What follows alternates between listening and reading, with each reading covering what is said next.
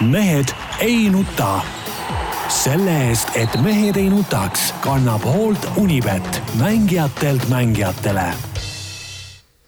tere kõigile, kes meid kuulavad ja vaatavad, meil on nüüd duubel kaks, sellepärast et vahepeal Rubilniku mehed said millegagi hakkama, tõmbasid Rubilniku sealt välja. aga Mehed ei nuta eetris, teisipäev, kell on üksteist läbi kuus minutit. Tarmo Paju Delfist. tervist. Peep Pahv eriagendina igalt poolt tere jälle.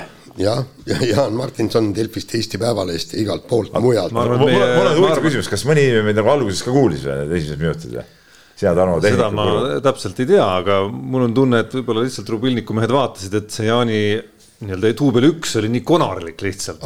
seal, seal kolmandal sõnal tekkis juba mingi diktsiooni teema, puterdamine hakkas pihta, et et siis lihtsalt no nagu kvaliteedikontrollist ei, ei läinud läbi. no ja võib-olla küll ja arvuti ütles, et no way, et, et see. jah, mingi ai on seal vahel kuskil juba tehisintellekt, kes omab sihukest kvaliteedi mingit standardit seal ja, ja, ja lihtsalt jooksutas selle ülekande arvuti kokku. ja nagu kui siis kuuldi või kuuldud, eks seal jutt oli sellest, et Jaan tunnistas vahetult enne saate algust, et ta on täiesti mandunud ja võib-olla tõesti see kompuuter ka tundis ära, et sihuke mandunud mehe puterdamist ei saagi nagu. et võta ennast kokku, noh, nii nagu kokku. Toomas Häberlile tahaks järgmises teemas öelda, võta ennast kokku. hakka nüüd inimeseks, Jaan. ei, ei ma kuidagi tuustakas oled siin. ei, ma ei hakka inimeseks, ma hakkan pensionäriks varsti ja, ja, ja. pensionäri jutt, et. kui ma nii vanaks saan ja hakkan mingit pensioni juttu ajama, siis võid mulle küll kaikega üle kukla panna.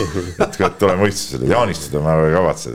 jah, aga, aga. ehk siis ikkagi puldis äh, kuni surmani põhimõtteliselt no,, kuni no, jalg ja aju kannab. nojah, jah, aga mis on siis? ja aga, aga nagu ma ütlen, et, et kuna, kuna ma siirdun mingisugusel hetkel üsna varsti pensionile, siis. mis varsti, jaa, mis asja. miks sa sinna pensionile kiirustad? aga miks mitte, aga miks mitte, elu nautima.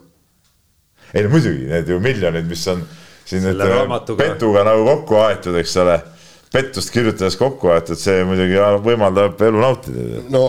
aga kas nagu, kas nagu enda liige peab kripeldama ei hakka, ütleme sihuke, sihuke valskusega saadud ei. nagu hüvede eest puhata? ei. noh, see näitabki, et noh ei, absoluutselt mitte. ei, no selge. kes see meie skp eest hoolitseb siis, kui niimoodi nautimiseks läheb? eks ma ise hoolitsen, ostan punast ja musta kalavarja, makstes selle eest äh, seda paganama käibemaksu ja noh, nii, nii ta on, eks aktsiisi, et šampanjat osta. automaksu kindlasti? ei no seda kindlasti. Õnneks mul on ikka väike päts selle pealt. ei no nüüd, kui sa pensionile lähed, siis ei. ma arvan ikkagi. ei, mul ei ole vaja, mul ei ole vaja. ikkagi teed mingi korralikuma investeeringu, mis, mis ületuleval aastal riigikassat ka ikka nagu. ei ütleme ja spetsiaalselt nagu, ootan, spetsiaalselt nagu. ootan ületuleva aastani selleks, et osta mingisugune Porsche Cayenne või kuskil. Q7, Audi Q7 ja, näiteks oli, oli ja, ma... päris kepsaka, kepsaka selle registreerimismaksuga. ma ütlesin, et praegu ta võib kiiresti ikka normaalse auto ära osta, enne kui jamaks läheb sellega. väga selge aga läheks spordiga edasi, sellepärast et meil, meil on, meil on te, tegelikult teemasid ja, ja kõike. no ma ei tea, see oleks nagu meie kuulajate ootuste petmine minu arust, kui me siit nagu libiseme sujuvalt üle igasugu poliitteemadest. muud poliitikat pole, kui ainult see autojaama on ju tead noh. no auto, autojama, mille suhtes. sina ju sõidad rõõmsalt edasi oma vana panniga, eks ole, sa autot vahetada ei, ei taha, eks ole. mina näiteks, mul on juba tükk aega plaanis autovahetus ja ja, ja, ja mind see puudutab küll, õnneks ma jõuan nüüd ette, enne ära vahetada, kui see lollus pihta hakkab. ei no mind see puudutab äh, mingil hetkel kindlasti ka, aga. no sa võtad mõni mingisuguse elektriauto või mingi siukse, siukse väikse nuku, nukumasina, mille, millel ei olegi mingeid äh, erilisi maksusid, tead noh ei, sellist plaani ei ole, aga vähemalt elektriautot osta, aga see, see tuleb ju ilma automaksuta kallim, oluliselt kallim siiski kui, kui, äh, kui see nüüd mitte elektriauto koos automaksuga. ilmselt jah, mingite tuhandete euroste registreerimismaksuga auto poole ma ei vaata, aga jah, ma eelmisel nädalal tööalaselt olin sunnitud mingil hetkel nagu süvenema sellesse, et kuidas see no mis see valem siis nagu täpselt, täpselt siis nagu oli seal, et kui palju, mis hetkest, mis piirist alates CO2 pealt, palju massi pealt ja noh, minema sinna nagu peensustesse korraks. ja noh, siis jõudsin isegi mina selleni, et kuulge, et nüüd, nüüd, nüüd aeti see asi nagu küll üle võlli, et see plaan, millega alguses välja tuldi, plaan oli kuskil sada miljonit aastas äh, saada riigikassasse no, juurde. aga summa no, kasvas kõvasti. tundus nagu noh, nii-öelda möll käis üle, kõik justkui nagu rahunes, kõik leppisid okei okay,, on ju, noh, tundusid enam-vähem nagu mõistlikud summad.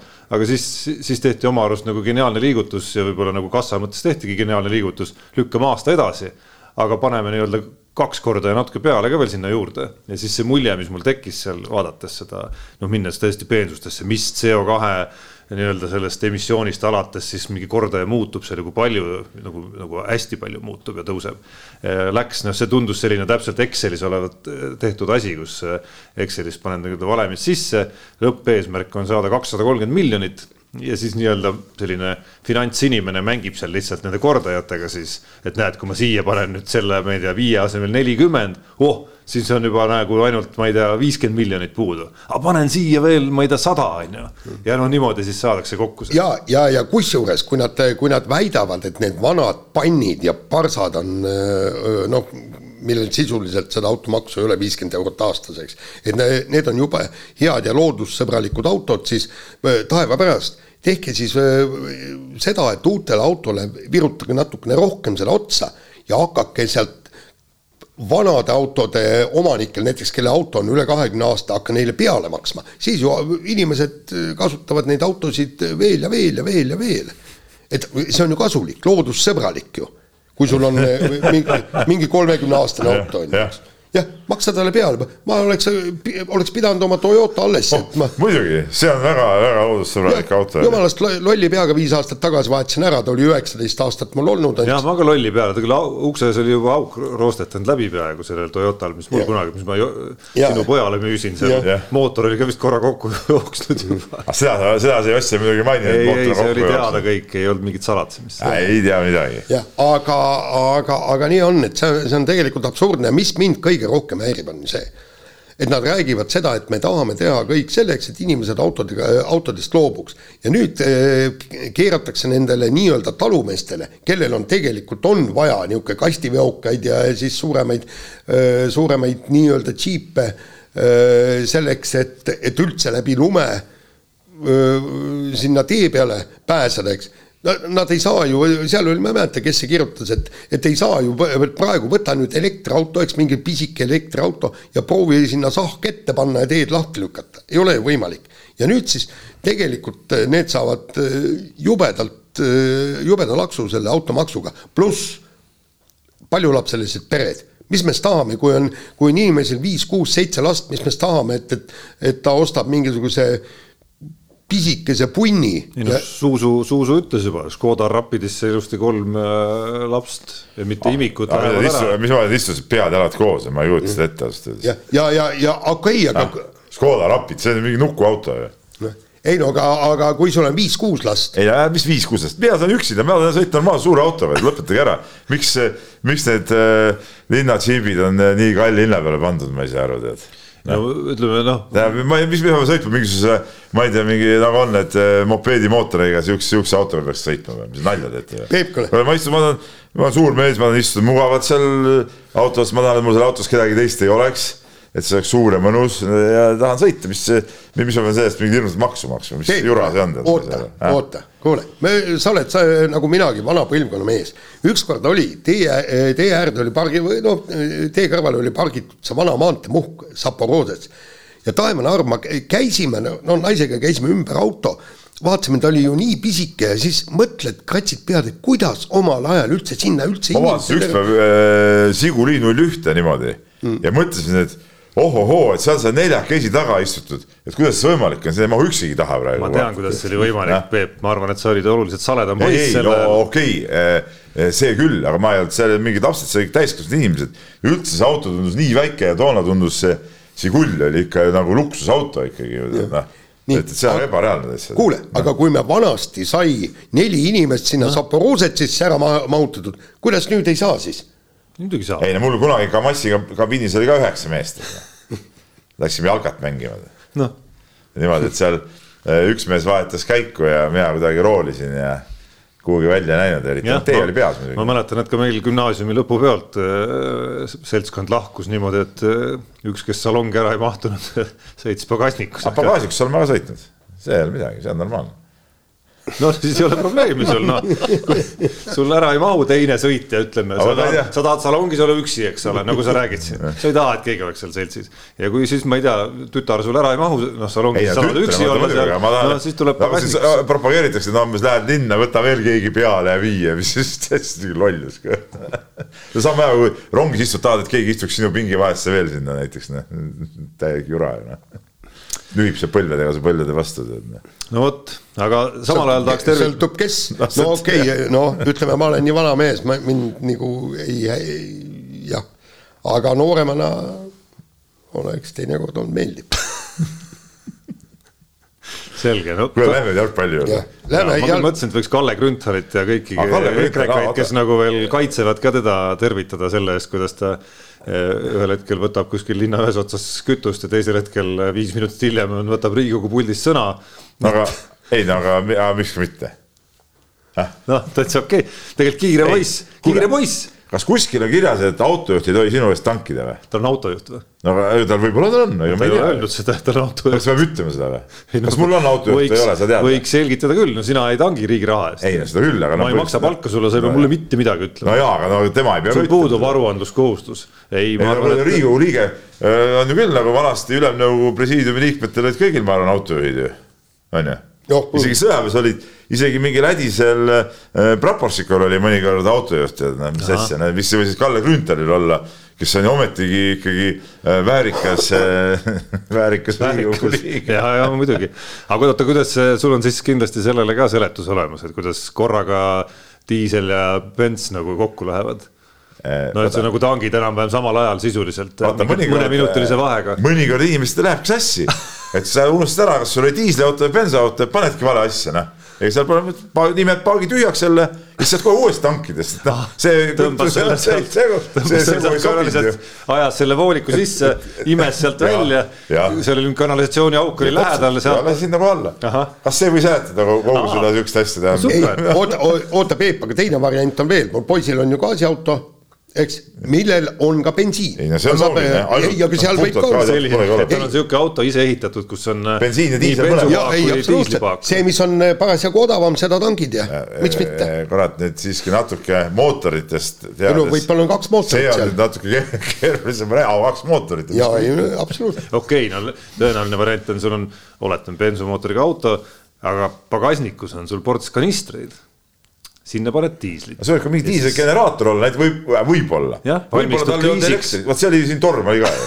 tal ei olnud võib-olla elektrit, tal oli see, tal oli elektrigeneraator oli ja ta tankis sinna sisse diislit näiteks, no mis kõik, mina näiteks sõjaväes olin ka disi, olin töö... disilist vahepeal, ma olin kattakütt ja katsi karja, siis ma olin ka disilist seal natuke. Äh, kui läks vool ära, siis meil oli sihuke suur, no see oli sama suur kui veoauto oli meil sihuke äh, diiselgeneraator rataste peal.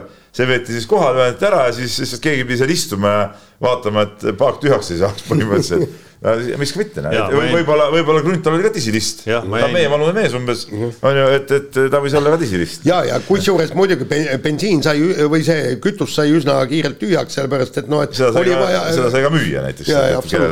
või vahetada viina vastu. selles suhtes mina ei näe nagu mingeid. ma jäin korra mõtlema nagu veel selle peale, et kuidas seletada seda, et see diisel, mis ta võttis nii-öelda kanistrisse, et kuidas see nagu töökulu on aga okei okay,, kodukontor näiteks, tähtsad paberitööd selleks, et kodus oleks vool olemas igaks juhuks. No, ja tal selleks... kindlasti Riigikogu mingid dokumendid olid seifis, elektriline seif, see peab elekter olema, et see seif töötaks näiteks siis äh, jah, ei muidugi, ma ei näe siin, tähendab selles suhtes. ei, ma olen tänulik. seletusi on nagu ohohoo kui palju. ei, aga ma olengi tänulik selles jah. mõttes, et äh, noh, kurb, et ta ise ei ole suutnud neid anda, aga õnneks sa ütleme siis nagu hääletoruna ikkagi vana konservatiivina ikkagi nagu äh, aitasid nagu hädast välja. kuigi ma tean, et sa enam ei ole EKRE valija, aga, aga ikkagi noh no,, ikka vana arm ei roosteta. no selles suhtes, et, et nagu põhjusele jääb ju alati, nagu sa tead ju sa ei nõustu minuga? ei, absoluutselt nõus. noh, täpselt noh. nii, nii, lähme jalgpalli juurde eh, jalgpall, seal on ka põhjuseid palju muidugi, et. noh, põhimõtteliselt eh, nagu me saame aru, null viisteist eh, on viimase nelja mänguga ja nüüd Aserbaidžaani vastu mindi, mindi seda nii-öelda võitu. Jaan võit..., Jaan, ära nõua liiga palju. ei. ära nõua liiga palju, miks sa, miks sa sellise negatiivse tooniga alustad, mhm. null viisteist oleks võinud ütelda, et. teine poolaeg null-null laseritega. teine poolaeg null-null, täpselt ja tegelikult ühe värava aserid ju, ju penaltist, see ei ole nagu päris värav ju. ei ole jah, see on pool väravat oli jah, no et, nagu hoovi jalgpallis. see jah, et et, et selles suhtes ütleme, oli ju, ju kõik väga hästi ja peale selle äh, Aserbaidžaani Baku Neftši oli omal ajal ikkagi kõrgliiga meeskond, erinevad KSMK spordis, kes mängis teises liigas. et see jõudude vahekord, me mängime kõrgliiga meeskonnaga, kaotame poolteist äh, null, eks ole, noh, see ei ole nagu väga hull ju no ei, absoluutselt jah, ja, ja, ja kusjuures meie jalgpalli on ju arendatud, pane tähele, ainult kolmkümmend aastat. jah muidugi. seal arenes kogu aeg ju. seal arenes kogu aeg, ma räägin, nad olid ju kogu aeg ju seal kõrgliigas, eks ole. et, et selles suhtes ma ütlen, et Aivar Poolak on teinud oma suurepärast äh, tööd Eesti jalgpalli arendamisel ja ja ma arvan, et äh, kui kakskümmend neli veebruar on see ordenite jagamine, et siis äh, väikse mingisuguse ordeni võiks talle ikka anda. saanud juba. ei noh, kuule, kas siin kirjas, et mitu korda või saada või? Et mingi uue nagu. no uue, uue nagu, nii-öelda, et, et äh, jah, asjad ja. on läinud nagu hästi ja ühtlasi, ühtlasi me teeme rahvusvahelist koostööd. me oleme töötule austerlasele oli või šveitslane või mis see on, see Häberli, eks ole, pakkunud tööd me oleme andnud inimesele leiba, ütleme, seegi on nagu hea ju. peame ju siin nende sisserändajate eest ju ka hoolitsema. kusjuures ma guugeldasin kiirelt, kas Aivar Pohlak on saanud nagu presidendi teenetemärgi, aga Tallinna teenetemärk ja FIFA teenetemärk tulevad küll otsingust välja, aga võib-olla ma nüüd panen puusse siin, aga mälu järgi, mälu järgi ja vähemalt vähemalt nagu esimese selle nii-öelda otsingu järgi ei, ei tulegi nagu välja, no siis seda enam. No seda enam jah, ja muide, eelmises saates mäletate, te olite väga kriitilised, kui ma, kui ma ütlesin, et noh, et, et mis mind häiris, oli see, et, et tegelikult noh, nüüd ma kallan endal vett pähe, eks ju. et, et, et ütlesin, et, et mehed ütlesid, et me anname endast parima ta-ta-ta enne mängu ja ja, ja, ja, ja tegelikult ongi ju nii, eks nad andsidki endast, endast parima, nad said ainult null kaks. jah yeah. Nad, nad, nad mängisid täiega täpselt nii, nagu nad oskavad ja siin oligi mingid mõttetud äh, paganad skeemid, kuidas see esimene värav peaga löödi, eks, et kaitsjad lähevad kõik nii. aga nad ei oska teistmoodi ju. kui mängijad ei oska, nad andsid endast parima okei okay,. ja täna ma... mängivad ju Taiga. jah, ma arvan, et mida minut edasi. ma arvan, et täna ju on hoopis teine mäng. no kas ta on teine mäng, ma saan Pole aru, et kindlasti. kas maailma edetabelis Tai on meist kolm kohta kõrgemal isegi, nii et äh, ka siin saame me rääkida ja. pärast mängu, et tegelikult äh, noh, nagu võrdsed vastased. see on sama mäng või? Sa ütled, et see on sama mäng või? mis mõttes sama mäng? see on teine mäng ei no teine mäng või mitte, aga noh, ühesõnaga ka seal ei saa me rääkida, et me oleme. aga nad kaotasid Gruusiale mingi null üheksa või? null kaheksa. no Gruusia on hoopis teine tera ju. no Tbilisi Dünamo ja no, Kutaisi Torpedo. okei okay,, no me oleme siin nüüd nagu nii kaua, ütleme siis ajanud seda juttu absurdi, et ma arvan, et osa kuulajaid-vaatajaid ei saa aru enam, et mis on nagu tõsine jutt ja mis ei ole tõsine jutt, aga, aga noh, tõsine jutt on ikkagi see, et et fakt on see, et kui Eesti läks vaheajale null kaks kaotusseisus aserite vastu, siis äh, leidis aset seik, mida väga tihti ei juhtu, ehk et äh, publik tegi vilet ikkagi oma meeskonnale. Ja, ja kui nüüd minna pärast mängu vist tehti ka vilet. Nagu minna siis mängujärgsete juttude juurde, kus peatreener Toomas Häberli sõnum tegelikult, mida ta on nüüd noh, kahes aknas ütleme vähemalt rääkinud päris äh, nii-öelda sisendusjõuliselt siis Eesti rahvale põhimõtteliselt. on see, et, et noh, meie tase ongi selline, et, et needsamad mehed keda sa seal kirjeldasid kaitseolukorras, et nad ei suudagi paremini. mina seda küll ei usu, ma arvan, et nad suudavad paremini, nad näitavad seda igapäevaselt. et loomulikult ei ole nad Belgia, Rootsi tasemel, aga nad suudavad paremini. Veigo Kaljurand kirjutas väga äh, hea kommentaari ja tõi välja need äh, Häberli äh, niimoodi arvamusavaldused, mis olid siin alagrupi loosimise ajal, mis ta võistkondade kohta rääkis ja mis ta pärast mänge on rääkinud ja nagu, nagu öö ja päev erinevad, et, et see juba näitab, et et päris adekvaatne see jutt ei ole. no see on nagu ikkagi noh, tegelikult on see ju nagu oma naha päästmise jutt või oma enda töö või noh, enda, enda sellise tööviljade puudumise äh, nii-öelda nagu selgitamise jutt ju et noh, sinna saab ju nagu kahtepidi läheneda, siinsamas laua taga istus umbes ümmarguselt nädal aega tagasi äh, natuke vähem Gerd Kullamäe muuhulgas pidi siis äh, korvpalli podcast'is aru andma ka selle kohta, et miks, miks selles koduses eurosarja eelvalikturniiris, kus vastased olid Kosovost ja Islandilt ehk ka mitte ikkagi mingisugused nagu tipud, tipud, miks nii läks, nagu läks ja ütles väga lihtsalt, olime sitad, mängijad mängisid sitasti ja treener, treenerid ka ei saanud hästi hakkama, väga lihtne. et, et ka siuksed kommentaarid on täiesti võimalikud olukorras, kus ma arvan, et üks põhilisemaid probleeme, mis vastu vaatab, on see, et, et seal ei paista nagu arengut selles, mismoodi see koondis mängib Häberli käe all. et, et, et kui, et kui null viied võivad ka olla erinevad ja null kahed aseritel võivad ju ka olla erinevad, aga, aga kui, sealt taga ei kuma nagu protsessi, mis kuidagi viitab ja märgid viitavad, et kuidagi läheb nagu asjad nagu lähevad nagu paremaks, et ma ei tea, hingestatus kasvab, vaim on äge, võitlevad ägedasti. mingid vead, mis on varasemates mängudes välja löönud kuskil, ma ei tea, kaitseolukordades, et neist on õpitud ja, ja neid juba mängitakse paremini mäng mängult siis me näeme pigem vastupidi, et pigem nagu noh, aina rohkem on selliseid kaitseapsakaid, nagu see esimene värav oli. ja vaata nagu Eigo, Eigo tõi seal välja ja tegelikult noh, et võttis justkui mul sõnad suust ja, ja ka fännidelt, me ei saa aru, mis toimub. Me, me ei saa aru alates sellest, miks see Hämerli ikka veel seal peatreener on, me ei saa aru, mis on Häberli idee ja mõte, me ei saa aru, kuidas kavatseb Eesti või tahab üldse Eesti neid väravaid lüüa, me ei saa selle pära-, äh, aru seda, et, et miks ühed mängijad mängivad. Või tähendab, see, kes on kahe kuu jooksul mänginud Eesti liigas kaks minutit, on platsil, aga, aga teine vend, kes, kes kuskil seal väljamaal on, teda ei ole platsil, me ei saa sellest aru, et, et miks mängijaid paigutatakse sinna ja tänna positsioonidele, kus nad pole kunagi kunagi mänginud, kus nad pole harjutanud. me ei saa sellest aru, et miks on niisugune kaitsesüsteem, eks kolm pluss kaks. siin on niivõrd palju asju, millest me aru ei saa, me ei saa aru sellepärast, et väga hästi Heigo tõi välja ju selle Vassiljevi ta ei ole ju mängude ja mängude ja mängude kaupa teinud mitte midagi seda, mis ta tegi varem. no see on ka loogiline. Jah, aga, aga, aga ta. see hea looduse vastu ei saa, kolmkümmend üheksa. jah, aga sa oled kinnitatud nagu naelaga sinna koosseisu et me, me ei saa üldse aru, mis toimub, kas keegi oskaks ja suudaks no, seletada. see ongi asja probleem, et, et tegelikult milles Häberli on ise kõvasti mööda lasknud minu arust, et ta on, ta on läinud seda tohutut õigustamise teed ja mingid küll ajakirjanike küsimused on pahad ja, ja, ja, ja küll, küll üldsus ei saa aru ja, aga no ole siis mees, seleta lahti need asjad siis noh, et, et seda ei ole ju tõesti toimunud, et need küsimused on õhus et seleta lahti, miks siis see võistkond äh, järsku äh, nii kehvasti mängib, äh, miks need suured kaotused tulevad, et millest on tingitud see arusaamade muutus, mis oli, ütleme enne kui hakati mängima neid alagruppe, mis, mis ta arvas võistkondadest ja, ja, ja mis nüüd on, mis siis vahepeal nagu teistmoodi on läinud, jah, okei okay,, me saame aru, viimane mäng ka, et olid mitmed põhimehed puudu.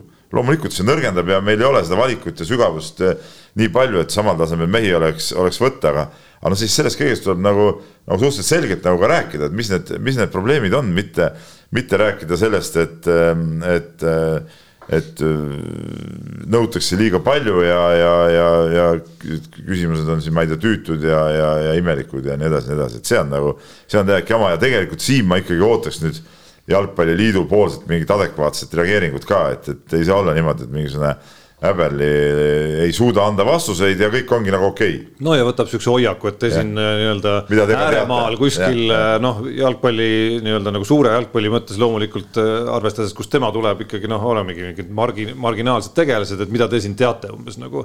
et, et kui ta samasugust nagu sõnumit viljeleb ka riietusruumis näiteks et noh, et noh, nad ongi meist ju siin nagu, et mis me siin ikka umbes noh, no, no kumab ju selline, selline ja. nagu sõnavõtt siin läbi juba kaks viimast akent. Äh, kuigi ma arvan, et ta ei viljele, aga noh, vahet ei ole, ka need sõnumid, mida sa avalikkuse kaudu edastad, jõuavad ju samamoodi mängijateni, et see. et, et noh, siis on arusaadav, miks me nii arglikult näiteks mängime, et ei julge seal, ma ei tea, nii-öelda nagu söötu anda omavahel ja natukenegi püüda nagu äh, palli hoida ja selle asemel pikad lähevad ette ja äh, pikad pallid ette ja jääme neist ilma, on ju, et, et noh, siis see seletab ka ära, miks me nii alalhoidlikud ja arglikud mängime seal päriselt siis ja, ja ei, ei noh, kuigi teistpidi jälle, kui me räägime, et noh, me olemegi teistest hästi palju kehvemad, siis sihuke nagu mingi tohutu nagu hammastega kinnihoidmise selline nagu, nagu hagialik nagu võitlusmoment peaks selles meeskonnas ju nagu eriti sees olema või on, või on, et kuhu see siis kadunud on, kui me teame, nagu Häberli ütleb, et no me oleme kindlasti kõikidest kehvemad põhimõtteliselt, et siis see oleks nagu üldse ainus variant kuidagimoodi nagu konkurentsis püsida, aga, aga seda me ka ei näe ju. ja siin on ju see, et, et tegelikult ega küsimus. töö tegemist nii-öelda siis noh, nagu Tarmo Kinki tsiteerides. jah, ja, ja alati võib ju ajakirjaniku kohta öelda, et mida sa tead ja Eigo Kaljuranna kohta ja meie kohta ja Madisse kohta ja ükstapuha kelle kohta, aga täpselt sedasama juttu räägivad ju kõik need jalgpallurid, kellel on treeneripaberid peal, kellel on kogemust, koondise mängud, King, Zahhovaiko, kõik, kõik, kõik, kõik räägivad täpselt ühte sedasama juttu, mille siis Heigo Kaljurand siis kokku võttis ja mind tahaks, mind huvitab väga, mida selle Häberli tööandja ehk siis Eesti Jalgpalliliit öö, mõtleb. Kas neil on vastused kui Häberli neid äh, vastuseid ei anna, palun, teie olete ta palganud, teie leiate, et see on okei okay,, siis tehke siis vähemalt teiegi meile selgeks, miks mängib Vassiljev, aga mitte. aga ma ei tea, kui palju on seda küsitud nende käest ei no sa ju näed selle mängu pealt. ei, ei, ei, ja mis see mängu pealt, no kokkuvõttes see on küsimus nagu ajakirjanikele ka, et, et kui mm., kui palju siis on äh, näiteks, ma ei tea, Pohlaku äh, kes saab veel ütleme mänguliste asjade poole pealt jalkaliidus võib-olla seal midagi vastutab, eks ole, nende inimeste käest küsitud. no spordidirektorid ja asjad. jalgpalliliidul on spordidirektor või? no ma praegu peast ei oska ütelda ausalt öeldes, et, et, et. Norbert Hurt mingit sarnast rolli. Hurt on abitreener, no tema nüüd vabalt saab hakata, hakata kommenteerima üle, üle Häberli neid neid asju, et, et. ei no aga kui ta on jalgpalliliidu spordidirektor, siis on ja see. ta ei, ta ei ole päris selle ameti peal. et, et no tegelikult äh, jah, neid asju tuleks, tuleks küsida, et me oleme siin nagu Poolakut või ajakirjandus on Poolakut siin muude teemadega väga õigustatult kõvasti pitsitanud, aga, aga nüüd tuleks nagu, nagu siis spordist ka rääkida temaga, et, et mis, mis, mis tema siis näeb, noh. ja kui ta hakkab oma neid lihvitud vastuseid andma, noh, mida me teame, mille peale ta on ka väga osav, no siis noh, siis polegi midagi, no siis tuleb kogu see kriitika suunata, mis on Häberli vastu suunatud, tuleb suunata jalgpalliliidu vastu, teine asi, võtta uuesti ette ka need jalgpalliliidu äh, juhatuse liikmed ja, ja küsida nende käest, et, et mis, mis, mis te arvate, mis, mis teie nagu nägemus on siis sellest äh, kaotuste seeriast ja, ja mis, mis nüüd nagu edasi peaks saama, noh? Just täpselt. Ja, ja, ja küsimus on see, et, et kas Häberli käe all või siis viimases tsüklis on Eesti jalgpall arenenud või taandarenenud. küsimus ei ole ainult selles, et kas Häberli peab nagu jätkama või ei pea jätkama, küsimus selles, et mis see nagu see üldisem nägemus on ja ka Säverliga on sellest nagu räägitud, et kas liigutakse siis mingis õiges suunas. ma ei tea, võib-olla, võib-olla noh, ma ei näe praegu, et mingi põlvkondade vahetus oleks nagu näiteks, et okei okay,, siis ma saaks nagu aru sellest, et jah, Äberli võttis, hakkas mingit uut süsteemi looma, võttis palju mingeid uusi vendi, kõik need vanad kuskilt nagu lükati kõrvale. no siis on arusaadav, et võib-olla saad seal mingi hooaja, mingi tsükli saadki rämedaid pakke sisse, aga siis äh, järgmised tsüklid lõikad seda, seda kasu selle pealt, aga praegu seda ei ole ka toimunud, nagu, nagu siin välja toodud, eks ole, siin samad, samad vanad mehed mängivad, mille vastu mul otseselt ei ole midagi, eks ole. ega Vassiljev võib seal koondises olla, aga mis rollis ta peab olema, see on nagu omaette küsimus jälle.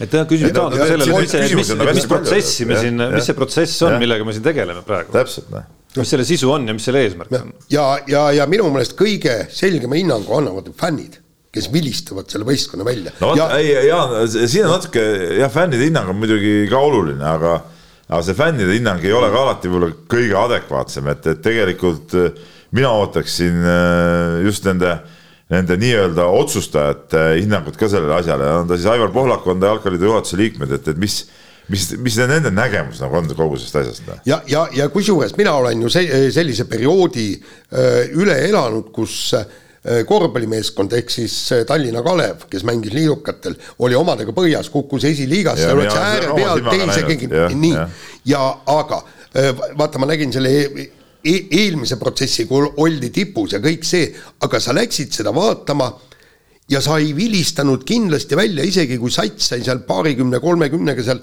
esiliigas näha, sest sa näed ahhaa, uued mehed tulevad, eks, siis olid Toomisted, Reigamid tulid, siis, siis hakkas, hakkas tulema, seal tuli äh, Sokk enne, enne seda kõik ja sa näed, et siit võib hakata vaikselt jälle tekkima tõus. sa nägid selle asja kõik, kõik ära, eks.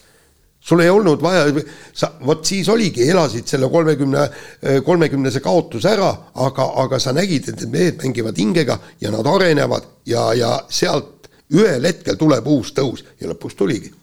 nojah, et praegu justkui võib mingit väikest äh, samasugust mingit äh, sädemekest näha sellest, kuidas äh, Martin Vetkal tuli siis teisel poolel ja mängis siis, eks ole, üheksateist, kui ma nüüd peast valesti ei ütle, on see vanus, eks ole, ja natuke minu arust viitabki pigem sellele või nendele liigutustele, mida oleks võinud selle tsükli jooksul nagu rohkem ikkagi ja nagu julgemalt teha.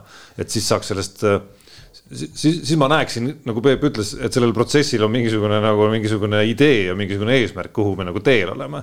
aga antud juhul, kus me nagu kramplikult hoiame kinni sellest, et oi, vist praegu ikkagi on, ma ei tea, mängija X on äh, vanusega, ma ei tea, kolmkümmend midagi, on ikkagi nagu on nagu tõestanud ennast ikkagi karjääri jooksul rohkem, on minu virtuaalses tabelis null koma ühe pügala võrra parem kui see mängija Y, kes on veel üheksateist või kakskümmend üks et ei, siis nui neljaks ma ikkagi alustan selle kolmkümmend pluss vennaga, siis, siis ma, mina sellel nagu ei, ei näe nagu, see on nagu väga lühinägelik minu arust ja kui tulemused ka kaasas ei käi sellega, siis siis, siis, siis ei ole sellel üldse idee. ei no see kolmkümmend pluss ei ole mingisugune näitaja, küsimus on, ütleme siin nagu veel vanemates meestes, kolmkümmend pluss vennad koondises jumala okeine, selles ei ole nagu mingit küsimust tegelikult noh. aga, aga küsimus on jah selles just, et mis see, mis see laiem plaan nagu on, et, et kui see mängupilt ka nagu praeguse seisuga on ju kehva, no sellest saab ju igaüks aru, kes ei ole ka mingi suur eh, jalgpallispetsialist, et, et pigem on selles küsimus, et mida, mida nagu tahetakse üldse sellest koondisest saada. no ma otsisin praegu üles eh, kaks tuhat, eh, mis ta meil on, kakskümmend üks jaanuaris. Häberli tuli ametisse, tema esimene nii-öelda tutvustusüritus oli siin ja tema laused siis eesmärkidest, mis ta to,, mis toona siis pandi paika mis peame oma nii-öelda puhtalt lehelt alustama, noh, et kevast on läinud, nii, nii, nii peame selle nimel tööd tegema ja väljakul oma ülesandeid täitma, vajame väljakule isikupära ja karaktereid. rääkimine ei aita, tegutseda tuleb, meil peab olema hea tiim, peame muutma minu meieks. leian, et see on väikse riigina õige viis, peame seda tegema koos, ühel moel ja ühes suunas, siis tulevad tulemused äh, peame töötama ja treenima, olema väljakul loovad ning lõppude lõpuks ka jooksma, sest jalgpall pole ainult mäng palliga. ma ei tea, näeme me seda siis? noh, palliga mäng on ka see suur probleem, siin jooksmisest rääkimata. jah, aga. Pole ju kuhugi joostud, kui palli pole ju. aga üks asi, mida, mida veel, veel meie eh, head kolleegid välja tõid, jalgpalli asjatundjad, on see, et, et miks, miks see häbe, häberli nii-öelda mängitabki neid vanemaid mehi ja kõik, sellepärast et ta päästab oma nahka. sest eh, saad aru, kui ta siit minema lüüakse, kes tahaks seda palgata eks tal neid eh, minema löömisi on seal eh, varemgi olnud, eks ole, karjääris ma saan aru, et ega tal muidugi lihtne ei ole, noh. no nii ja naa, no siin ei no selge see, et midagi peab nüüd nagu juhtuma või, või mingid, eh, mingid muutused peavad tulema ja mingi ideoloogiline sõnum peaks ka kusagilt nagu tulema, et, et mida, mida nüüd jalgpallikoondiselt siis kokkuvõttes tahetakse saada jah, sest praegu ju on see paganama, vaata siin seks-shoppides on jälle tulnud, eks noh, nagu enne oli, eks. et kui inimene tahab mees läheb sinna, tahab kõige, kõige hardimat pornot osta, siis annad, antakse talle ju Eesti jalgpallikoondise viimaste mängude no. salvestused. no väga hea see erutab kindlasti. mõtlesin huviga, kuhu Jaan nagu jõuab. ei, ei, ei, no tõesti kuule. oled hakanud käima seal. ei, ei, ei, see on see, vaata see pensioneerikuna, noh, aega on palju jalutad vahepeal, siis üks on samas see mees jääb siia tee peale no,. ja, ja seal ongi, see on ka kõige hardim porno, mis seal on, ongi meie koondise viimased mängud. kas seal saad võtta siis kohe nagu siukse mingisuguse kabiini ja seal vaadata? jah, just täpselt, kui sa tahad ennast ikka täiesti haard äh, erutada, nii. Nonii tore, et äh, keegi ikkagi valgustab meil siin ka ütleme selle valdkonna arenguid. väga hea, T1-s oled ka käinud selles suures. Oota, mis seal on? no seal on ikkagi nagu, ma ei tea, maailma suurim. seal on see kauplus. no kui maailma, ma ei teaks maailma just, aga selle regiooni kindlasti. ei, see on kauplus, ma nägin. see on kauplus, see on ikka nagu mingisugune. Novosjolovi eh, vehklemissaalis. no sellepärast sulle meeldibki seal vehklejatega lugusid käia tegemas, et. ühe korra käid seal ühe korra käinud seal lugu tegemas. selge, ühesõnaga läheme edasi, vahetame teemat.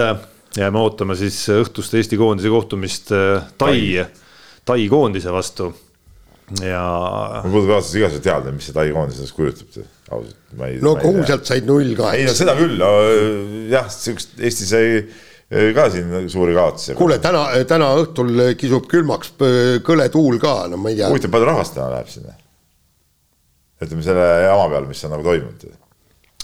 näis, aga vahetame teemat ja läheme ütleme nüüd spordi tegemisest kaugemale ahah, selline häälduspähkel on siia pandud kohe alustuseks, mis ta siis on In? Intermarché Circus Vanti võib-olla midagi sellist äkki. peab ikka prantsuse pärast rohkem ütlema. rattameeskond eemaldas äh, rassistlikult käitunud kahekümneaastase talendi Madis Mihkelsi, Eesti jalgratturi koos tema võistkonnakaaslasega Hiina velotuurilt. hea, et äh, noormehed üldse tervelt Hiinast tulema said, sellepärast et äh, lintšimisähvardused kohalikus sotsiaalmeedias olid vist nagu täiesti reaalsed, mitte, mitte nagu lihtsalt mingi suu, suusoojaks räägitud jutt, jõudis see Äh, skandaal lõpuks nii kaugele, et isegi rahvusvaheline jalgrattaliit või föderatsioon, mis iganes korrektne tõlge on, äh, pidi tegema avalduse siis selle, selle loo kohta, nii et sihuke Jüri Vips kaks case siis Eesti spordis. no kiidame selles no., mis kiidame, vabandust, loll, loll, laidame seda, et ikka see sotsiaalmeedia on saatanast, noh mm.. et, et no, no ikka omavahel tehakse, tehakse mustade nalju tehakse, eestlaste kohta nalju, venelaste kohta nalju, tšukside kohta. võib ka hiinlaste kohta, eks ole, teha, see on, kõik on nagu okei okay,, mingis omas seltskonnas midagi sellist ei juhtu. aga mis seda kõike peab kuskil üles riputama? no täiesti ajuvaba. Noh. aga muide. kas kõik asjad on vaja siis nagu nii-öelda nagu laivi visata. no tänapäeval on ilmselt, ma saan aru, et mis see oli, belglane, belglane või? sealt meil see euronoor. ma olen, ma arvan isegi sinust oluliselt kehvem postitaja, et kui me loeme kokku äh, minu ja sinu äh, eri sotsiaalmeediaplatvormidel aasta jooksul tehtud postitused, siis peaksid sina kommenteerima seda lugu, sest ma arvan, et sa võidad mind umbes, ütleme Twitter, Instagram Facebook kokku, no ma arvan, mingi seitseteist, üks umbes. no võib-olla, no jaa, ütleme, ma ei ole ka mingi usin postitaja. no seitseteist ei ole usin, aga ja. ütleme, no mul, mind võidad seitsmeteistkümne korda. mingeid asju ma muidugi vahest panen seal, mingid no, korv, mis elamus põhiliselt korvpalliga seotud või mõne spordisündmusega seotud asjad. ja ma saan aru, et see oli osa vist selle, kui oli belglane, vabandust, kui ma eksin, tema mingisugusest nii-öelda kombest kogu aeg postitadagi midagi. aga muide, siin ongi noh veidikene ka hariduse küsimust, vaata. see on ju puhtalt hariduse küsimus, noh, et kolmeaastasele lapsele või viieaastasele nagu sa noh, saad aru, et äh, tuleb ette, et ta bussis vaatab äh, mõnd korpulentsemat inimest ja hüüab, et näed, oi kui paks, eks ole, et aga, aga kahekümneseks saades ta teab, et, et see ei ole okei okay päris. ja aga, aga vaata, siin ongi see, et vähemalt äh, nendesse riikides, kus ma olen olümpiamängudele läinud, näiteks Pekingisse, enne seda ma lugesin ikkagi läbi kogu selle Hiina, noh, mitte kogu selle, eks Hiina kultuuri, kuidas seal käitutakse, millised on kombed ja mida tohib teha, mida ei tohi teha. see on näiteks teatud riikides on see okei okay märk on ka, see, see on, selle eest lihtsalt võidaksegi sulle lihtsalt kuul pähe lasta. ei no sa oled ja... Saksamaal, Austrias, teed oma arust nalja pärast seda kuulsat Hitleri žesti, eks ole, siis pannakse vangi. ja, ja neid Hitler-vuntse kõik, see pannakse vangi. Ja neid asju tuleb teha. Ja tegelikult eks mind ka natukene üllatas, et see, et teha nii-öelda pilusilmi, et, et nii öö,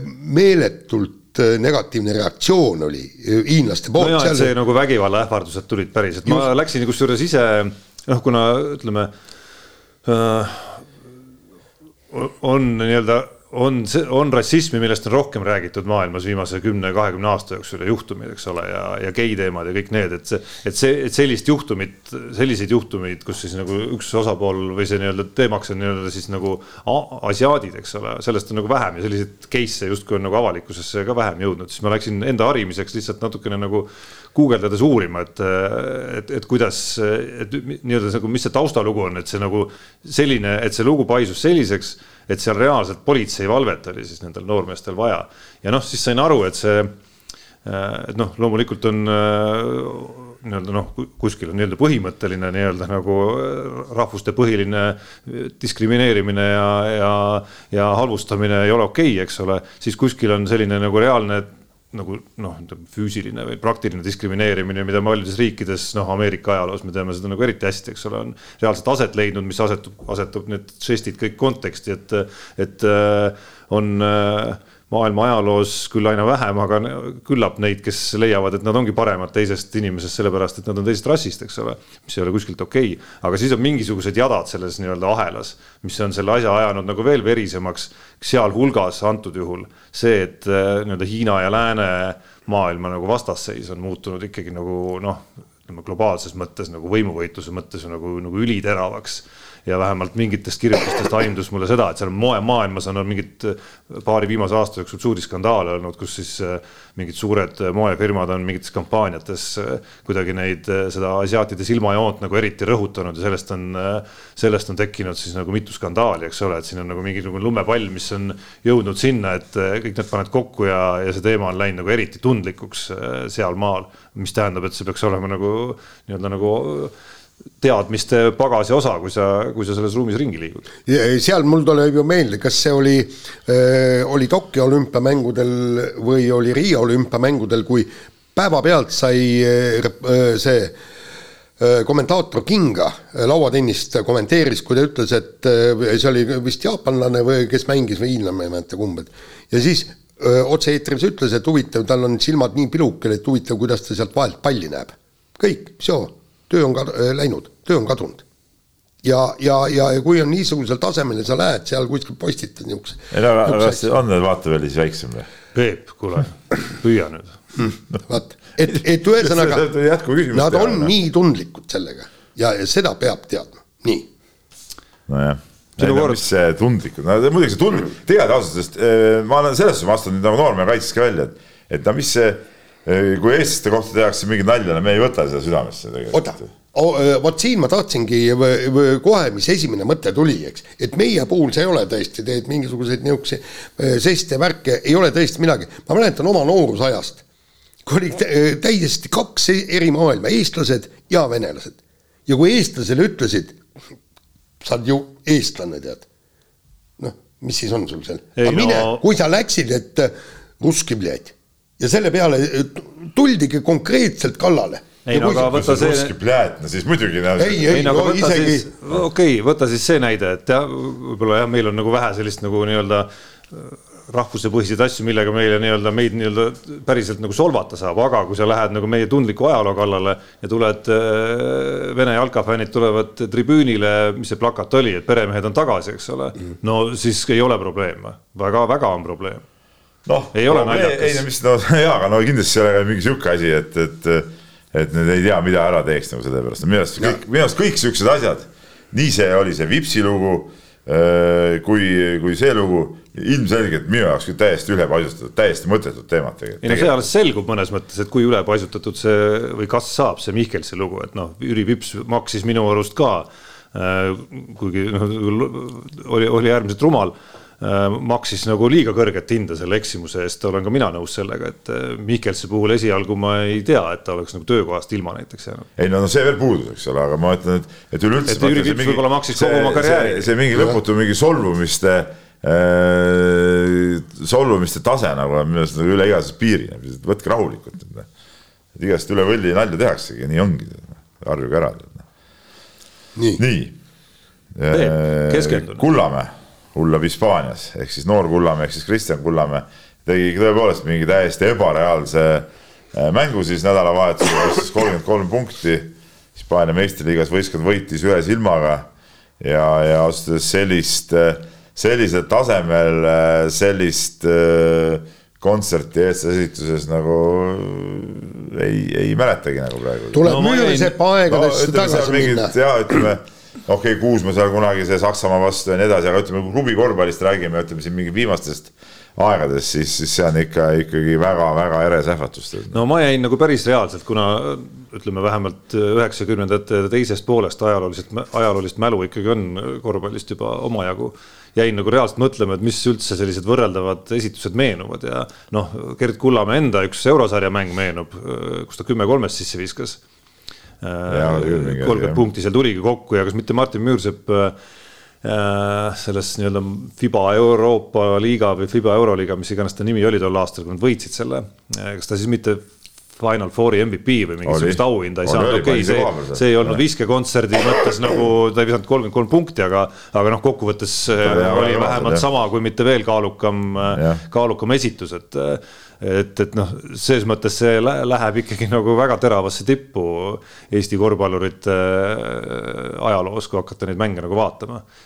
ütleme, liiga lihtne ei ole ilmselt kuskil Ateena Panathinaikose üheksakümnendate alguse aegadesse nagu vaadata, et mis ma nagu mälu järgi ähmaselt võiks meenutada, et Aivar Kuusma seal ikkagi jõudis ka mingid kontserdid teha, mis puudutab isegi skoori tegemist, aga, aga selle kohta lihtsalt jälg ajaloos jälg ajaloos ei ole väga hästi fikseeritud. mis, mis nüüd Kristjan Kullamäed puutub, siis ma just mõtlesin see hooaeg, kui ta läks Hispaania meistriliigasse, et, et tema jaoks on see nagu selline hooaeg, ta on Hispaanias olnud, ütleme võib-olla kõige paremini tulnud välja, no nüüd ta oli seal äh, Leedus, kus tegelikult tuli noh, päris normaalselt välja. ja nüüd nagu läheb Hispaaniasse nagu tagasi sellesse kõige kõvemasse nii-öelda äh, klubi äh, korvpalliriiki Euroopas, eks ole. Ja, ja kui sa nüüd, nüüd jälle nagu välja ei tule, no siis, siis on nagu, nagu raske, ütleme päris tippu pürgida. et, et, ma kujutan ette, et tal endal võisid olla päris, päris suured pinged sellega seoses, aga, aga minu arust see hooaja algus nüüd vähemalt, no ega siin selle nelja-viie mängu põhjal ei, ei saa nüüd veel päris lakke hüpata. aga, aga see algus on väga, väga, väga hästi välja tulnud ja, ja, ja, ja ikkagi mingi täiesti uuel tasemel võrreldes näiteks selle eelmise Hispaanias käigu perioodiga, noh et see on nagu ülioluline, et see tal niimoodi on vähemalt käima läinud praegu. ja no eks see on ju elav tõestus ka sellest, et kuhu sa täpselt satud, mis asjaoludel sa satud, on ikka nagu nii äärmiselt tähtis, et, et Burgoses, kui me meenutame, oli ikkagi olukord, kus see treener, kel, kes ta tõi sinna, sellega ta lõpuks nii-öelda nagu ei saanud oma noh, nagu põhiline koostöö ei olnud lõpuks ju temaga, eks ole, ja nüüd kõige ägedam võib-olla ongi nende mängujärgsete kommentaaride juures minu arust lugeda selle konkreetse Bilbao klubi peatreeneri lauseid, kus ta kinnitab ja noh, mõnes mõttes see, ma arvan, paljastabki selle, miks Kristjan tunneb ennast seal hästi.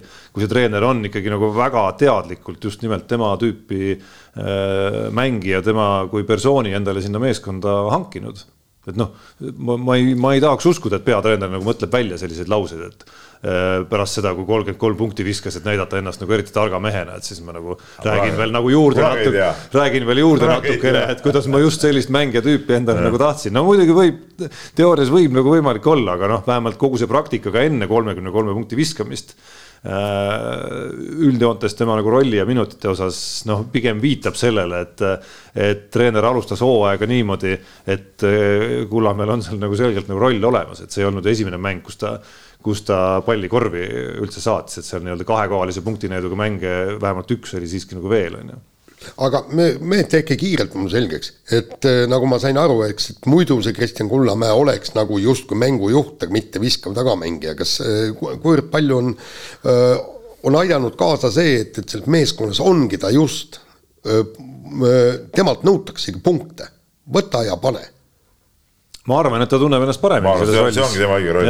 absoluutselt, ma olen ka rääkinud. et, et mängujuhina ikkagi see nii-öelda pallisurve, mille osaliseks sa saad, ikkagi on, on teistsugune no.. ei no sul läheb nii palju energiat ära, esiteks selle palli ületoomise peale, mis muudab sul nagu viskamise raskemaks, teiseks äh, kui sa paned sealt mängujuhina mingid liikumised käima, siis tihtipeale sinu roll sellega piirdub, et seal noh, on erinevaid stiile, erinevaid süsteeme, eks ole, on ka siukseid mängujuhte, siukseid stiile, kus mängujuht ise teeb väga palju, eks ole, aga on ka sellised, kus mängujuht ütleme, paneb, paneb selle set play käima ja, ja ta ei pruugi rohkem seda palli üldse saadagi enam, et, et et sealt siis see skoori osa jääb ka nagu väiksemaks, et aga kui sa saad olla ikkagi puhas viskaja, sinu peale on tehtud mingid, mingid liikumised, mingid viskekohad välja mängitud, no siis see on ma arvan, see on jah, see, mis Kullamäele peaks väga hästi sobima. no ja teisalt sobib see nii-öelda suutlikkus mängujuhi kohta mängida talle noh, nagu need tuleb nagu kasuks selles mõttes veel, et ta ei ole erinevalt isast, ei ole ta ikkagi sellel tasemel selline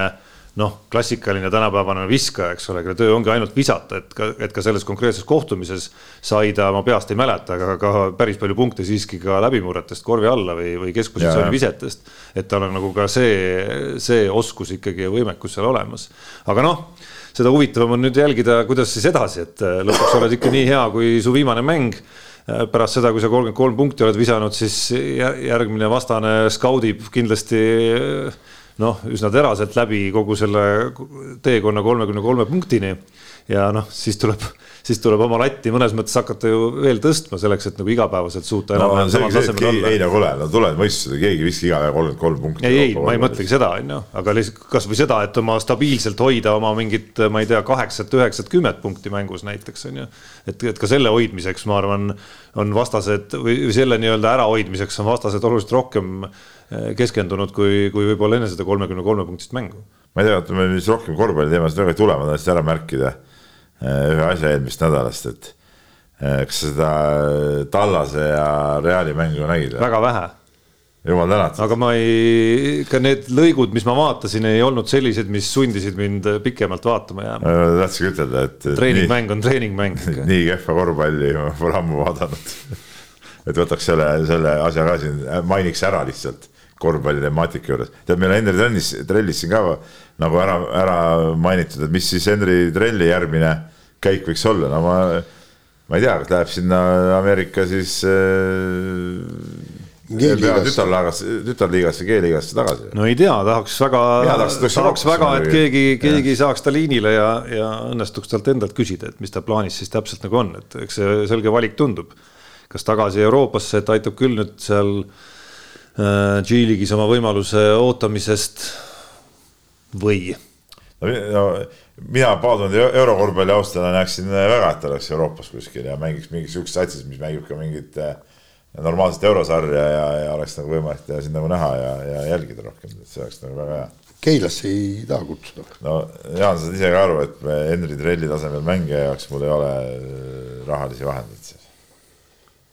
nii, aga võtame järgmise teema, äh, käsipallist äh, räägime ja Rootsi peatreener Toomas Siivertson leping lõppes, uut ei pakutud ja nüüd on siis äh, Martin Oodla, Eesti treener, on äh, pukis ja, ja no tegelikult äh, minu meelest oleks selle Siivertoni võinud noh, juba varem koju lasta, et, et ta oli siin pikalt ja tegelikult ega ta ei teinud ju mitte midagi, me ühtegi eesmärki täitnud, meil oli ju meil olid mehed ju olemas, kellega oleks võinud ikkagi sinna no,. päris, no, päris hea, ma sinuga päris nõus ei ole, et tegelikult jõuti ühe mängu kaugusele finaalturniirist, nii nagu Kalmer Musting omal ajal jõudis ühe mängu kaugusele peatreenerina. aga nüüd, et see noode sai jah, no tegelikult ju otsiti ju välistreenerit, ma siin tegin mingi aeg ka loo, kus olid seal mingid äh, variandid olid, äh, olid äh, õhus ja, ja, ja oligi suund selgelt ikkagi, et välistreener võiks jätkata ja see oli siin Eesti oma klubitreenerite sihuke soov ka, aga aga no seal ei saadud vist seal kaubale ja asjad ei, ei sujunud ja nüüd. seal ei saadud kaubale, nagu ma Risto Lepa Facebooki postitusest lugesin, ikkagi, ikkagi jäädi ka ajahätta ikkagi, ikkagi mingil määral et.... ja mul on, mul on tegelikult hea meel selle üle, sest ma olen alati rääkinud, mulle meeldib, kui Eesti koondisi juhin-, juhendavad Eesti mehed. ja, ja, ja, ja see, et Martin Nooda saab selle võimaluse, selle üle mul on ka hea meel, et, et ta on nüüd, ta oli abitreener ka Siversoni juures ja ta on ise legendaarne koondise mängumees olnud ja nii edasi, nii edasi, et, et. noh, Audentese, Audentese treener, HC Tallinna peatreener nüüd sellest hooajast. et, et minu arust väga, väga kihvt ja väga huvitav vaadata, kuidas ta hakkama saab, et, et. et kui meil on siin nii-öelda sõiduplaanis küsimus, kiidame, siis mina küll kiidan igal juhul.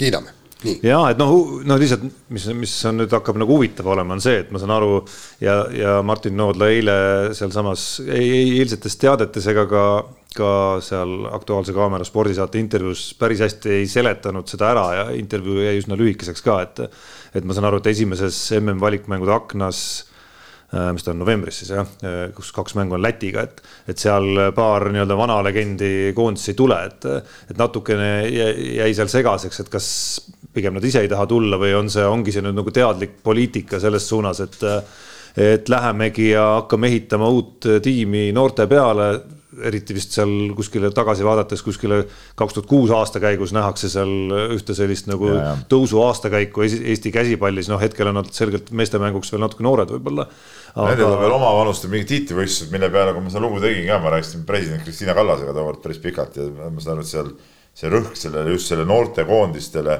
seal oligi nagu see mõte, et see peatreener tegeleb nende noortekoondistega ka ja, ja ma, ma ei tea, kuidas nüüd selles uues süsteemis jääb, peaks seda asja. no see vist pigem, mul jäi Risto Lepa postitusest mulje, et päris nii ikkagi vist ei, ei jää, jää, kui Martin mõtlegi, Noodlal on samal ajal Audentes ja, ja HC Tallinn, siis on keeruline. mõtlegi, et mis, mis nendest noortekoondistest saab, see on nagu huvitav küsimus.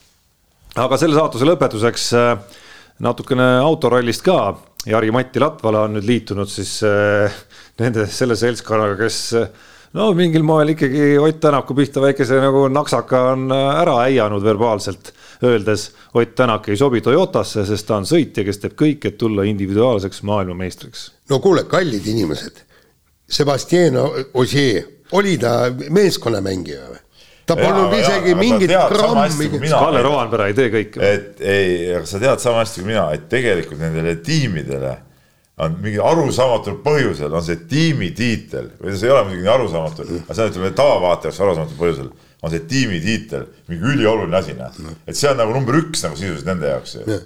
et see on, see tuleb nagu see tehase poolt, eks ole, ja see, see nagu tuleb ära teha, et, et, et selles ongi asi, et, et, et nad vaatavad nagu seda, kuigi teisalt jälle, kui ma mõtlen, et kui sul on nii kõva mees, kes tuleb individuaalsest maailmameistrist, toob juba nii palju punkte et tõenäosus, et oled ka võistkondlikuks maailmameistriks või tiimide arvestuses, on ju ka selle võrra suurem. kuule, Peep, teine asi, ma toon jällegi Ožee näiteks. ta ei sõida MM-tiitlile. ta sõidab lihtsalt, on Toyotas selleks, et tuua punkte. ja palju ta siis seal tiimile mängib, kas ta ütleb võidust ära, ütleb, et okei okay,, poisid, et ma olen küll esimene, aga nüüd ma lasen kas Kalle Rovanpera või Elfin Evans endast mööda. tühjagi, ei. ta on puhas individualist talle ei saa isegi öelda, et kuule, ole hea mees. kui see kuskil Ožeel hakkab ütlema, lase kedagi no, mööda. ei no seda, seda veidram ongi, et, et, et miks Ratvalal siukseid lauseid vaja pildida üldse on. Ratval on ju ka ju lobamokk, noh. see noh, sealt lihtsalt sattus mingi õige hetk, kus sa lihtsalt mõtlematult ütles midagi välja. miks ta üldse peab ütlema lauseid, mis algab sõnadega Ott Tänak ei sobi Toyotasse, sest ja mis iganes põhjuse ta sinna leiab. seda küsiti ta käest, et miks te Ott Tänakut ei palganud. no sellele, sellele räägiti temaga juttu, siis ta ütles, et aa tead, ma tahan ütelda seda, et miks Ott Tänak ei sobi Toyotasse. sellele küsimusele saab vastata siiski oluliselt osavamalt. muidugi saab, aga vaata, sa ei ole kunagi Latvalaga nagu kokku puutunud, mehhaaniga oleme kokku puutunud. no tegemist on väga siukse Eh, noh, kellel see jutt võibki tulla niimoodi, et natuke ka kontrollimatult, et noh, vahest, et noh, nii on lihtsalt noh. no absoluutselt, nii, nii, aga laseme kõlli. Läheme kiire vahemänguga kiirelt, vaadake, kell on. väga musikaalne tüüp. ma olen väga musikaalne. oled jah ja.? nadi-nunn, nadi-nadi-nunn, nadi-nadi-nunn, nadi-na. seda laulu tead? kahjuks äh, olen aastate jooksul siin saates kuulnud jah. Eesti otsib superstaari jõuaksid kaugele. ma mõtlesin, vaata nüüd on mingi uus saade, vaata nüüd on mingi uus saade. kusjuures sel aastal. et kas ta teeb häält või ei tee või mis see on? sel, ja sinna võiksid minna vabalt. ei, ei kuule, nalja teed või? kõik teavad muidugi. ei, selles mõttes, et seal on. minu laulu, minu suuremast lauluoskust. et seal on ikkagi see nii-öelda üllatusmoment, et kas inimene, ütleme seal noh, ma ei tea, kui Tanja Mihhailova läheb sinna, ütleme, või Tanel Padar läheb sinna, siis kõik teavad, et ta oskab laulda, et kui sina lähed sinna, noh siis samamoodi. kõik, kõik, kes, kõik, kes ütleme ikkagi meie saadet natukenegi jälginud on, teavad, et sa oled kõva laulumees. mina siin otse-eetris laulsin, aga kas, kas Mihhailova Padar on, on nagu otse kunagi, äkki kõik need lood tulevad magnetofoni pealt ja keegi on ette laulnud neile, aga me ei tea seda. kuulge, Tarmo, tegelikult see on piinlik jutt, mis sa räägid no.. meil on ju väike diisler ta ju korraldab kontserte kirikutes kõik. just, ja, ja mis see, ei, ja, ja, ja, ja, ja sina tahad nüüd öelda, eks diisler ei lähe kunagi niisugustesse eh, totratesse saadetesse. sa väidad, et tahad... Peep on rohkem niisugune klassikamees. ei no ta, ükstapuha, mis mees ta on, aga ta ei lähe sinna mingi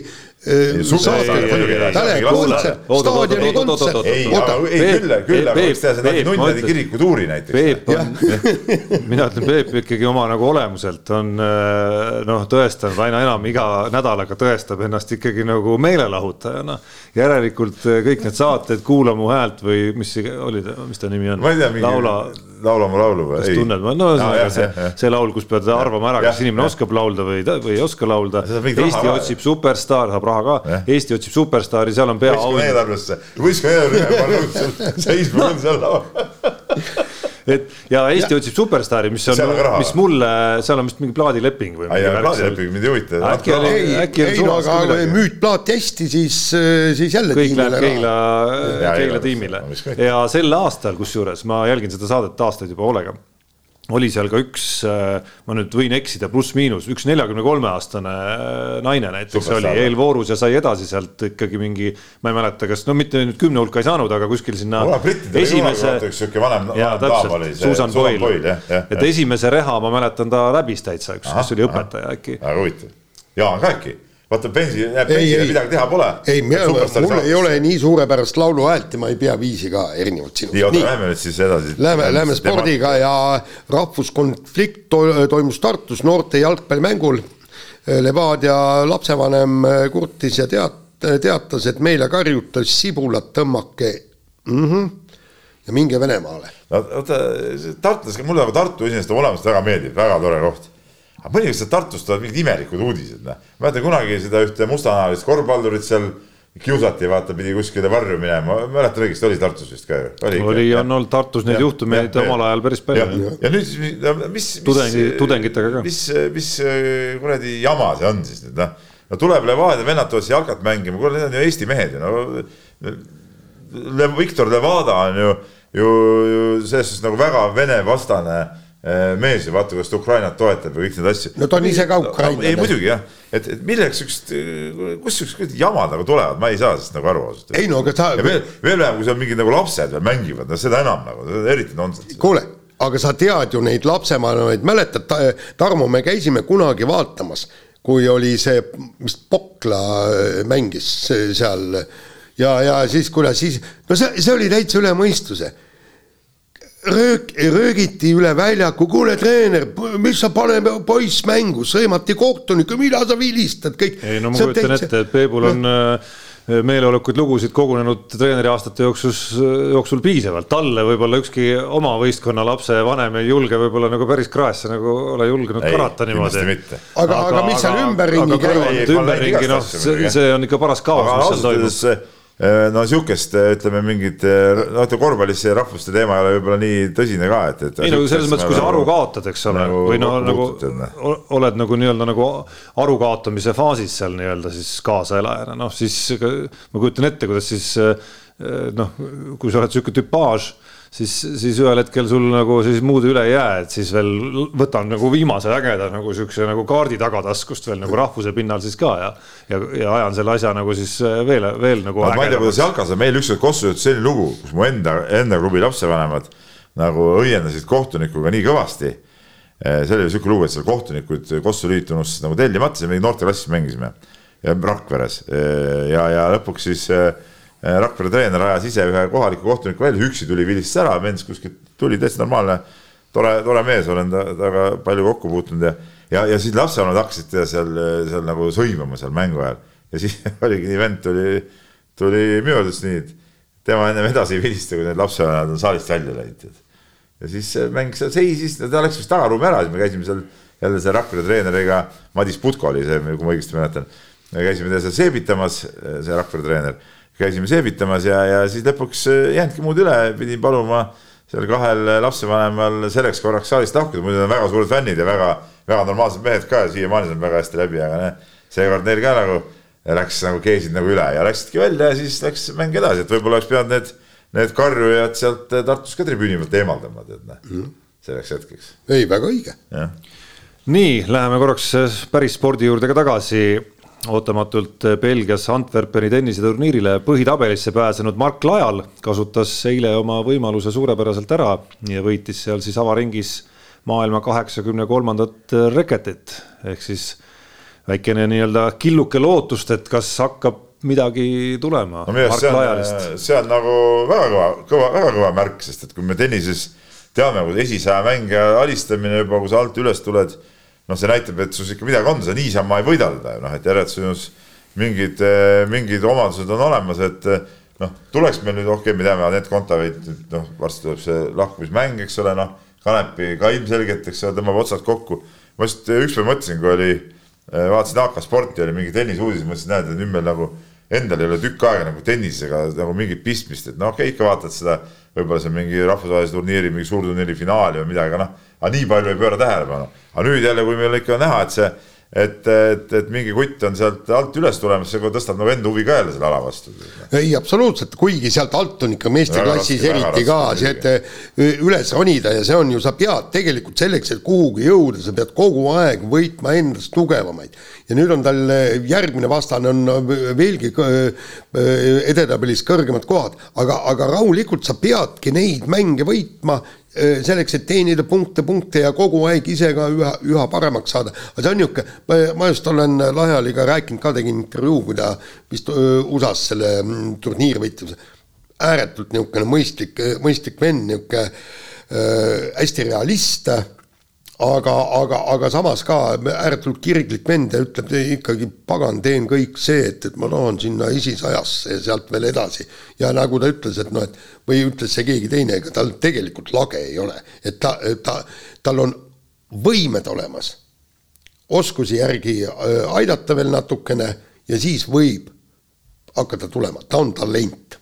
jah, aga noh, selliseid võite peab hakkama nii-öelda noh, just iga nädal, aga iga kuu vähemalt ikkagi no, ikka, regulaarselt tuleb, et, et noh, esimene teadmata nagu nüüd üldse asjast, aga noh, vähemalt juba rahvusele otsa vaadates ja kiirelt siit ATP lehelt kontrollides, siis sai see aimdust nagu nii-öelda nagu äh, kinnitust, et noh, tegemist oli liivamängijaga, eks ole, see vastane seal, noh, kes suurem osa oma punkte on liivalt kätte saanud, ma miskipärast arvan, et Antwerpen ei ole liival, on ju. et, et noh, see seal noh, see soodus, väike nagu nii-öelda nagu sooduskülg vist oli ka, on ju. no aga mine proovi Nadali võita kui, kui see, ütleme niimoodi, et see punkti vahe või see kohtade vahe on, on nii suur. Nadal ka puhas liivamängija, aga noh, mine võida teda. kus nüüd käis võrdluse välja? ei no aga miks mitte. see põrandate vahe küll, ma mäletan kunagi mängis Eesti koondis, mängis seda Davis Cupi ja ma mäletan, see Lätiga ja viidi mängud Kalevi spordihalli, vaata siis oli veel see otsa peal oli see puupõrand jah, ja mängitigi seal, mäletad, see oli mingi viisteist aastat tagasi. ja umbes niimoodi, muide ja pärast seda pärast seda kriipsutati puupõrand ju Davis karika sarjast maha, sellepärast et see oli nii. tänu eestlastele. jah, et ta oli. oli Lätiga oli minu arust see mäng. ja see, see, see oli niivõrd. sa ei mäleta seda korda? puupõrand on täiesti nii etteaimanud, kui sa pole seal harjutanud, sa ei oska seal mängida nii, nii, aga äh, ausalt öeldes saate alguses kritiseerisime Aivar Pohlakut, aga tegelikult, tegelikult peame nüüd ikkagi Aivar Pohlakut kiitma, sest et midagi ei jää muud üle. Aivar Pohlak muutis meelt ja see sai siis UEFA-le kaalukeeleks, et ikkagi see otsus Venemaa äh, ütleme siis nagu need noored, äh, noored jalgpallurid rahvusareenile tagasi lubada, et see otsus vaadati ringi, sest Aivar, kes on ikkagi siit otse Venemaa külje alt, ütles, et Padastibatsan, Pastoi ja Parabos, Parabos ja, ja, ja, ja näed, tehti ära. Et selles suhtes Poolak oli kõva, nii nagu tema ütleb, nii on, toetas venelaste tulekut, venelased said tulla, ütles, et ei, kohe muudeti ringi. mina arvan, et Poolak tegelikult ongi siis ütleme, see Eesti, mis Eesti, vabandust Euroopa või maailma jalgpalli nagu ütleme, see niiditõmb on. oota, aga kui sinu teooria nüüd õige, Peep, on, siis äh, läheme selle loogikaülesandega nagu kaugemale, siis see oli see sisuliselt üldse ju Aivar Poolaku otsus, et lasta nad esialgselt üldse. ei, ta, ta korraks nagu. et see ei vääri hukka, hukkamõistu. ei, sellepärast, et äh, et see oli meeltesegadus.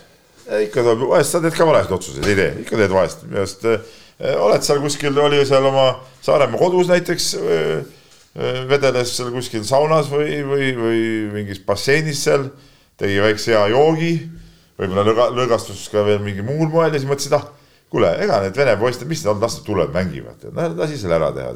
aga sai aru, et hukkamõist ja kohe muutus ringi. selles suhtes ma ütlen, et tubli, ikka see orden tuleb ära anda talle minu arust, aga, aga kui tegelikult siis ma kirjutasin selle kommentaari ja mis oligi, tegelikult huvitav oligi, et, et kaksteist riik oli siis enne öelnud, et ei, venelastega mängi ja Eesti tuli sinna juurde ja. ahah, minema liblika tiivalöögiga jälle. ei ei, aga tegelikult muide, kogu mõte on see, et tuleb tekitada kriitiline mass. ma ei tea, kas, kas see kolmeteistkümnes oli see nii-öelda kriitiline mass sai täis või oli siis seal ma arvan, et see Inglismaa oli seal kriitilises massis juba.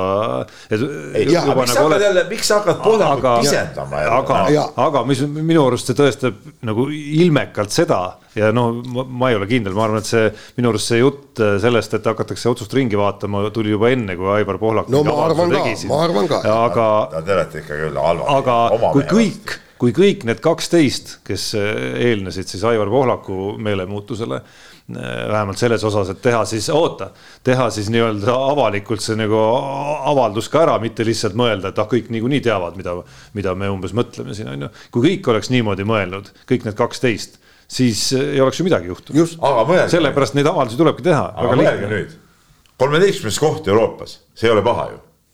on ju, et kui Eesti jalgpall oleks Kes nagu tulemuste poolest kolmeteistkümnes, kuule, me oleks siin, meie jalkaajakirjanikud oleks ju eh, eufoorias, isegi kui meie korvpall oleks kolmeteistkümnes Euroopas, me oleks väga rahul, on ju? Kuule Euroopa kolmeteistkümnes. Ja nüüd oli, ütleme siis selles eh, Venemaa vastases võitluses Eesti sai kolmeteistkümnenda koha praegult, eks ole ma arvan, et see on ka väga hea tulemus. mul tekib aga... siin Peepu kuulates nüüd viimased viis kuni kümme minutit, isegi tervelt algusest peale juba küsimus, et et Keila linnavalitsus, Tarmo Hein ja Kristjan Evart, et kui te kuulate, siis siis pange valmis ennast, et see, see, see pidu kaua ei kesta siin mm, -hmm. siin see meeltesegadus on, ületab Jaani juba nagu täitsa segast ajad. ei ole siis nii, kolmeteistkümnes koht Euroopas ei ole kõva. ei, aga tegelikult vaata siin ma tahakski öelda, et vaadake, kuidas jalgpall sai asjad tehtud. ehk siis oli konkreetselt kaksteist riiki, kolmeteistkümnest tuli juurde, võib-olla oleks tulnud veel ja kriitiline mass sai täis, ükstapuha, kas oli Inglismaa tõttu või kelle tõttu, kõik nii. ja, ja, ja vaadata ümber, venelased platsile ei pääse. olümpiamängude ja seal võiks ju täpselt samamoodi, kui me võtame nüüd kokku, kui suured spordiriigid, eks, needsamad Inglismaa, Saksamaa, Soome, Rootsi, Austraalia, Uus-Meremaa ja kõik, kõik need ütlevad, kui palju riike oleks vaja et, et rokk lihtsalt ühel hetkel murduks. aga praegu ei ole mitte ükski riik ametlikult välja öelnud. ja näiteks kui okei okay, pole neid venelasi ka veel olümpiale lubatud, aga näiteks pa, paraolümpiale lubati ja Soome oli esimene, kes päev hiljem ütles, see paralümpiakomitee esimees ütles, meie ei hakka kindlasti neid mänge boikoteerima, sellepärast et see oleks ebaõiglane meie sportlaste vastu. Nemad peavad telekast vaatama, kuidas venelased medaleid võidavad. Ja kõik, punkt, sellega ei ole, aga samas oleks tulnud kohe kaksteist, kolmteist ja seal on ju tähtis see, et, et need oleks suured riigid. kui oleks Eesti, Läti, Leedu, seal mingi Moldaavia, kõik niisugused riigid. ja seal, kuna on ülemaailmne ja palju suurem teema, eks ole, kui üks U seitseteist EM jalgpallis, eks ole, no siis, siis on seda nagu noh, sisuliselt tervet Euroopat põhimõtteliselt vaja, eks. just, ei, aitab ühest riigist, Prantsusmaast, kes ütleb. no või USA-st. ei aitab Prantsusmaast, samas ka USA-st, kõik meie, unustage see meie paganama need, meie, meie olümpial ei tule, unustage see, meie teleõigused ära, eks makske meile neid miljardeid tagasi. samamoodi oleks kohe suu kinni, nii, mina pean. jah, sina Jaan. korvpall. mis seal Kalev Cramos toimub, et Tarmo, sinuga rääkisime eile või täna või, või täna hommikul, et no.. ei, ei, see oli, ei, Atsiga, Atsiga. kahe suht seniilse vanahärraga ma siin istun ikkagi. oota, mis mõttes, oota, oota, oota, mis ma nüüd nagu see, seniilsuse kaudu vaatan. oota, ma räägin nüüd asjast. see, Atsiga eile vaatasime sõnumit, tema oli toimetaja, on üks, helistasin, ütlesin, lugu on üleval ja kõik nii ja küsisin, et noh, et kas Kalev Cramo uus, uus vend, kes just nüüd äsja pühapäeval saabus, on juba lahkunud. sellepärast, et nagu ma saan aru, et, et Kalev Cramo need nii-öelda legionärid, kes ei jõua kohale, eh, kes annab teada, et ta ei tule ja, ja nüüd siis saadeti eh, eh, lõpuks, lõpuks tuli mees nii-öelda Eestisse, aga vot mul ongi küsimus, kas ta on juba ära läinud, no külm-ilm ka.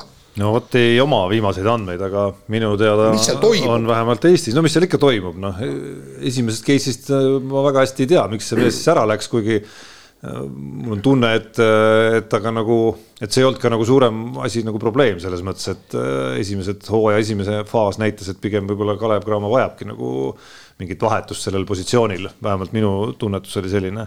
ja noh, ehk siis kokkuvõttes me räägime nagu ühest juhtumist ikka siin äh, sellest nii-öelda mehest, kes sõlmis lepingu ja siis enne äralendu, kõigepealt lükkas äralendu kolm päeva edasi ja siis enne seda äralendu teatas, et ta ikkagi ei tule, on ju et noh, jumal teab, mis seal üksikjuhtumis siis nagu sees oli, kas hakkas kartma siin piirkonnas äh, olemist külma ilma või on kuskil tagataskus mingisugune parem leping, kahtlustan, et. no aga allkirjad no, olid juba ju all ju. no mis see allkiri, mis sa teed selle allkirjaga siis?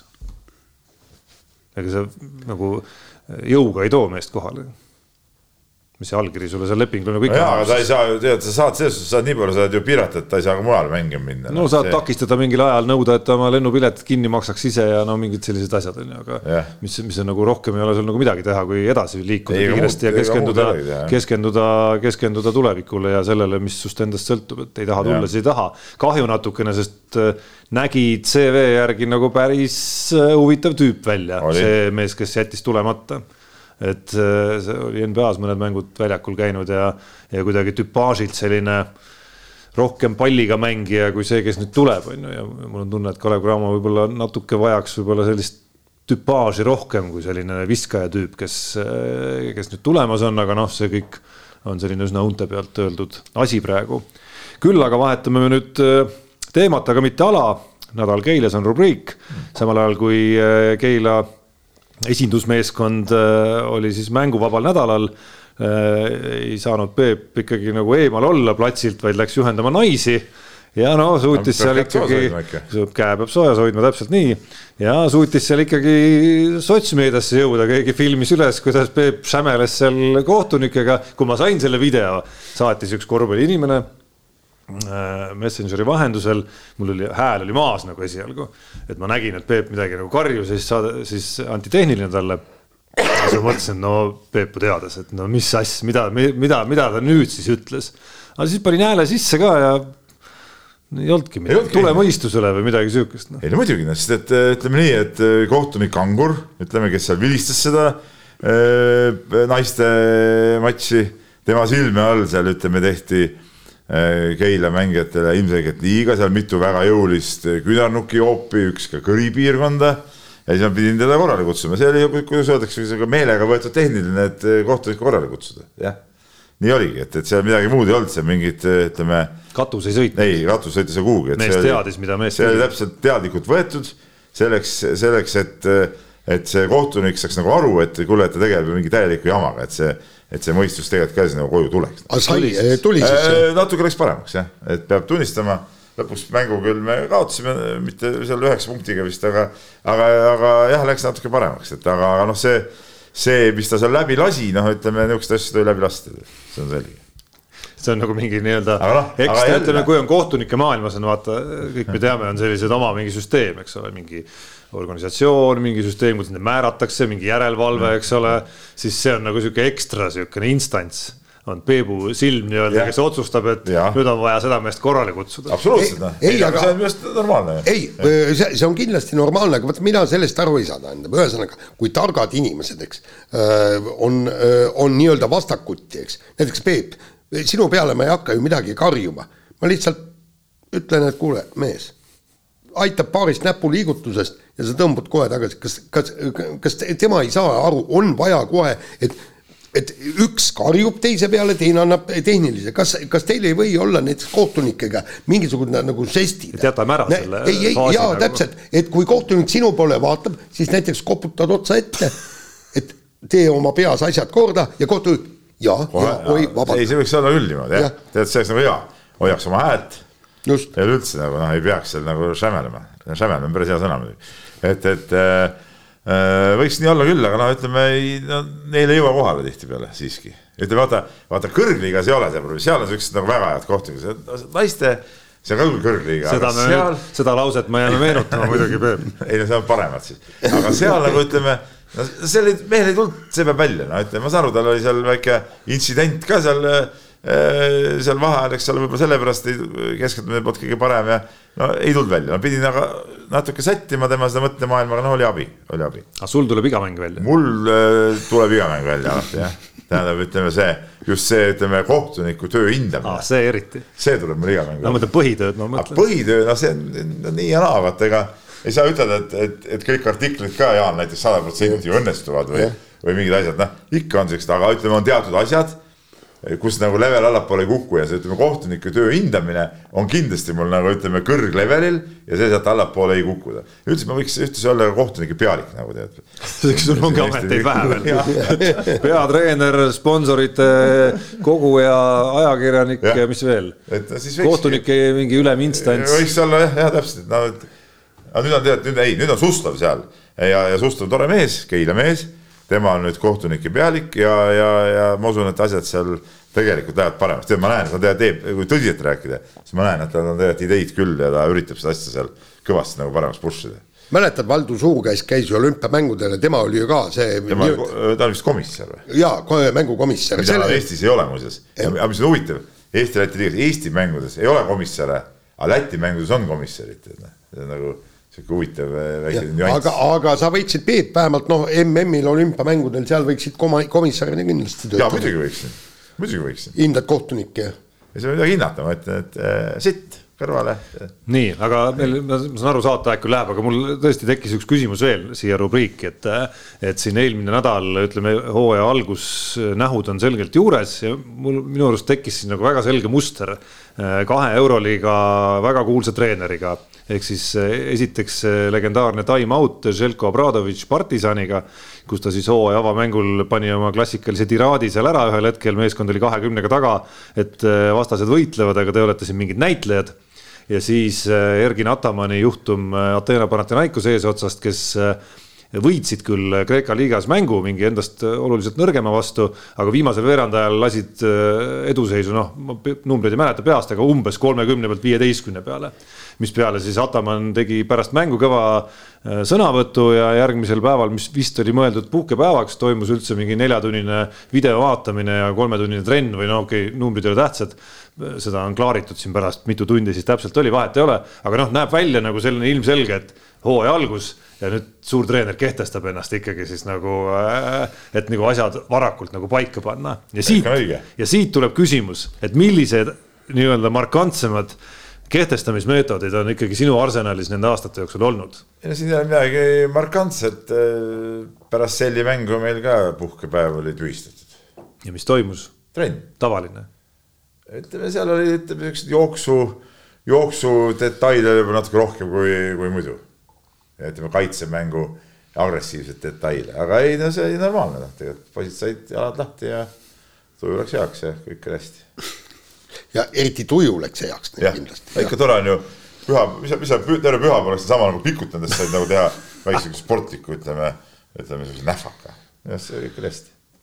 ja ei, jalad peavad, jalad peavad tugevad olema muidugi.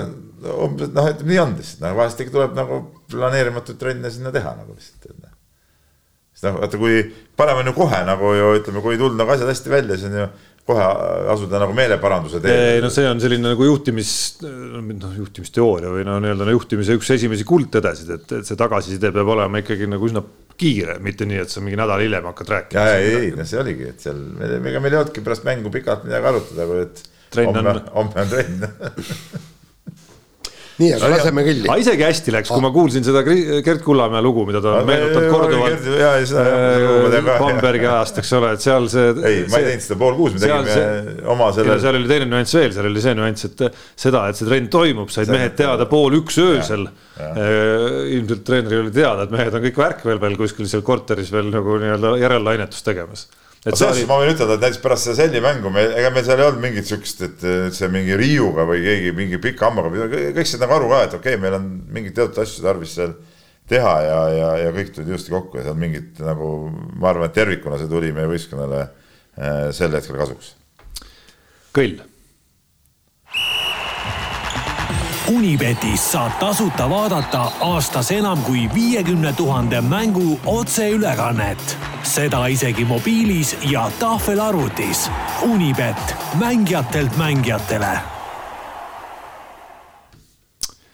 jaa, ei, ei olnud hea nädal.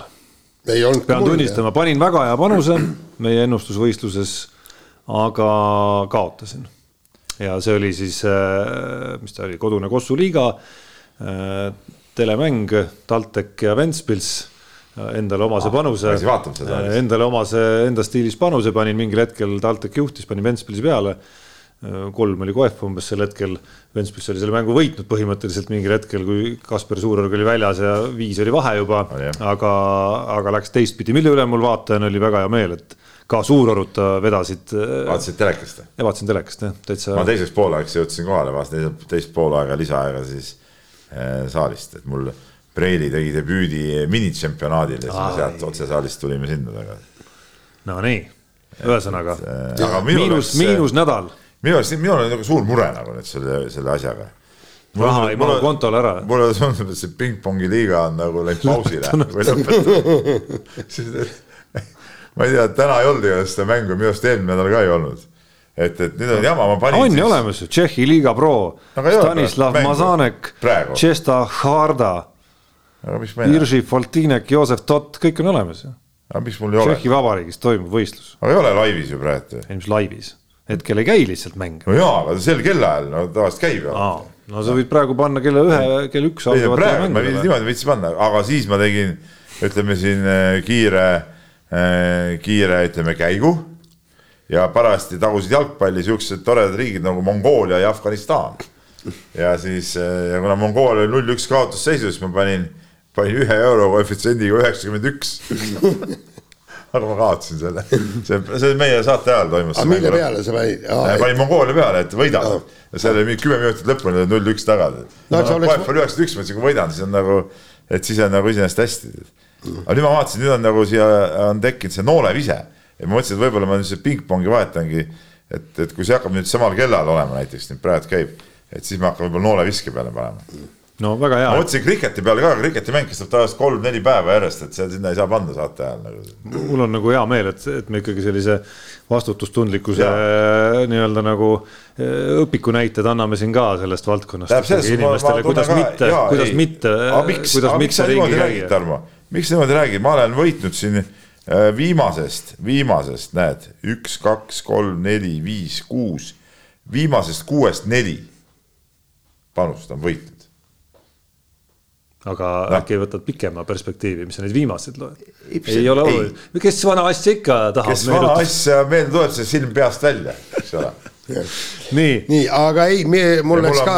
mul on see, palju sul Tarmo oli? nelisada kolmkümmend, aga ma. kolmkümmend viis. mul on üks viiene panus on, täna panin äh, juba ära ka. järgmine saade kuulata. aga ei, mul oli jah, tähendab äh, lootsin nagu Eesti jalgpallikoondisele, panin kirja, et mõlemad meeskonnad löövad värava.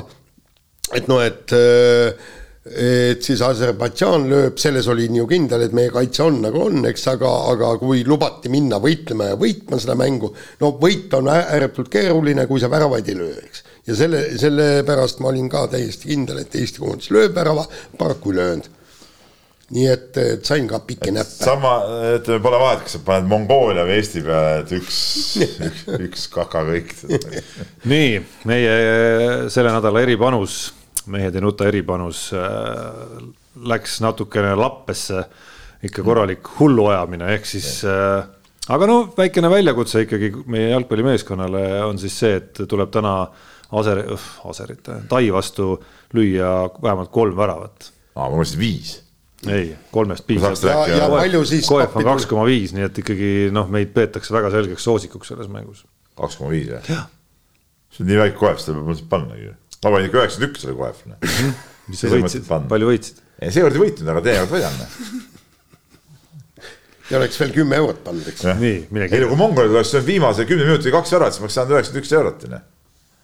no oleks, oleks jah. jah oleks, kuidas see oli, lehmal rattad all oleks piimaauto. jah, aga see nagu ei, ei, sinu mõttemaailmas ei mahu nagu?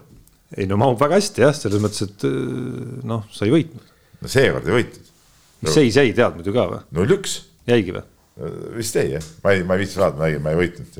nii, okei okay,, võtame kiiresti kirjad, kell on nii palju juba, et, et saade siin hakkas hiljem pihta ka, sest me Rubinniku mehed ei oska oma arvutit hooldada ja ja lasid arvuti kokku joosta vahepeal. ei no minu arust oli Jaani sissejuhatuses oli asi ju. nojah, õigus jah. rääkisime. jaa, õigus, ka rääkisime. ära juba. ja, si ja sissejuhatus rikkus ära arvuti no,. aga ikkagi Rubinniku mehed on süüdi, sest et õigel äh, äh, arvutimehel on ikkagi äh, ka, ka see udujutu kaitse on nagu peal nagu tead. Noh. jah, see on nagu klassikaline turva selline ja, ja, et, et sa ei ole nagu rünnakutele avatud. selles ma ütlen, et Rubinniku mehed aina nooremaks ja aina siuksed, ütleme nagu kehvemaks, nagu midagi teha ei ole nii, aga lähme siis, Kaarel kirjutab meile, kirjutab nii äh,. imelik, imelik kiri natuke, aga, aga ikkagi. et kas aastasportlase valikul võiks olla nii, et kandidaat peab andma enda nõusoleku kandideerimiseks. ehk siis äkki näiteks Kristin Tatar ei tahakski kandideerida, teades, et sellega kaasneb paratamatult korralik pasarahe meedias. teistpidi, klikk on ju jumal ei no point, point on õige. point on olemas. oota, mis, oota, mis, mis raha seal meedias? ei no mõte on selles, et raudselt läheb tohutuks vaidluseks nüüd selle üle, eh, kas Tatar või Jefimova ja siis on no,. kas see on siis pasarahe, ei ole? ei no selle käigus siis loomulikult noh, sa saad nagu. see diskussioon, kas Tatar või Jefimov on, on, oleneb sellest, kumma poolt poolel ongi väga huvitav. ei, selles diskussioonis hakkavad kõlama ka need, oh, mis ala see diskgolf on, kõik, kõik need asjad ja noh, ütleme, kui ma olen Kristin Tatar, siis ma ei pruugi tahta seda. ei no kuule, ei ole sihukest asja ei ole, ma ei taha ja siis ei kandideeri. kohustuslik, kui sind pannakse, siis pead olema. Peep Äh, vaata, tegelikult oli juba siin üks märkus tuli ju selle äh, poolt, et äh, kui sa loed ja ma, mille peale meil tuli vist mingi meil ka, eks. et need kommentaarid, mis on seal Kristin Tatari kohta, kui ta mängib seal mingisugust a la turniiri seal USA-s. et vaatad jube palju kommentaare, pooled kommentaarid lihtsalt sõimavad. ei no kommentaariumid tuleks üldse ära likvideerida, seda no, ma olen rääkinud viimased kümme aastat juba, et see tuleks üldse ära, ma ei räägi täie... sellest ja siin on, ma olen nagu meedias nagu mingi raha, eks ole. Mm.. kommentaarium loomulikult, need üldse võiks kinni olla, see on täitsa mõttetu žanr. ma ei usu siin mingist, mingist demokraatiast või, või, või sõnavabadusest. see on, see on täielik udujutt, aga, aga, aga see, et inimene ei taha kandideerida, et siis teda nagu sinna ei panda noh, see on ka nagu imelik, no lõpuks on siis, võib-olla ongi mingi üli tagasihoidlik sportlane, kes oh, ma, ma nagu ei taha midagi, teate, mingi seitsmekümne olümpiavõitja ja maailmameister ja siis ei, ei saagi valida. ei no loomulikult on see absurd, aga no mingi iva on selles küsimuses sees. aga muide äh,, ajaloos ju on see Annika Sörenstam äh,, omaaegne maailma kõige parem tõesti naisgolfimängija, kes nüüd vist projekteerib siia Jõelätmele seda ka oma väljakut, eks, või on juba projekteerinud, temaga oli väiksena, ta oli niivõrd häbelik ja seal on traditsioon on see, et kui sa võidad võistluse, sa lähed, võtad karika, pead pidama lühikese kõne. ja mis ta siis tegi, oli see, et lihtsalt viimasel rajal, ta oli niisugune viie löögiga ees ja, ja tegi seal viimasel rajal niisuguse käkerdise, et ta ei võidaks, sellepärast et ta oli häbelik, ta ei tahtnud minna noore tüdrukuna kõnet pidama ja, ja, ja, ja täiesti niimoodi kaotas, kaotas neid turniire, kuigi noh. vaata jaa, ma kujutan ette, milline ütleme sinu seisukohast, kes sa kaotasid lihtsalt seepärast, et sa eh, närvid ei pidanud vastu viimastes, eh, ütleme viimastel radadel, kaotasid sellepärast ja teine kaotas meelega, et mida sina oma peas võisid mõtelda? ei, mis ma, ma ei kaotanud, ma tavaliselt võitsin viimastel radadel. Ah.. vot näed, mina mäletan küll, kui Mati Iis, legendaarne fotograaf, ka golfimängija ükskord tuli õhtul ja toimetas, et ah, Jaanil ei pea närvid seal kunagi vastu ja jälle kaotas ära, tead, noh. mäletan täpselt suure hooga tuli sinna meie nurka, tead, noh no,. sealt tuligi see lause, et, et sa no ütleme tõe huvides ikkagi tuleb öelda, et no, eh, korra tuli ta ikkagi Eesti tšempioniks. see oli siis, kui üksi mängis või oli seal veel? ei olnud seal midagi. Schmidt mängis ka või? ma võin isegi, ma leian isegi arvutist skoorid üles, kui väga soovid. ei, ei no las ta olla, no las ta olla, ärme hakka Jaani siin nüüd nii aga no ütleme seal ikkagi eh, ei teist sada kuuskümmend üheksa lööki, tuhat üheksasada üheksakümmend kuus niitväljal, teine Marko Palm kuue löögiga edestas ah, Palm, ja siis kaotas omakorda kolme löögiga Mait Schmidt. tulemused muidugi on sellised, et. isegi sina oleks võitnud noh, võib-olla võitnud päris mitte, aga noh, ütleme no, tulemuste level ikka on muutunud aastatega.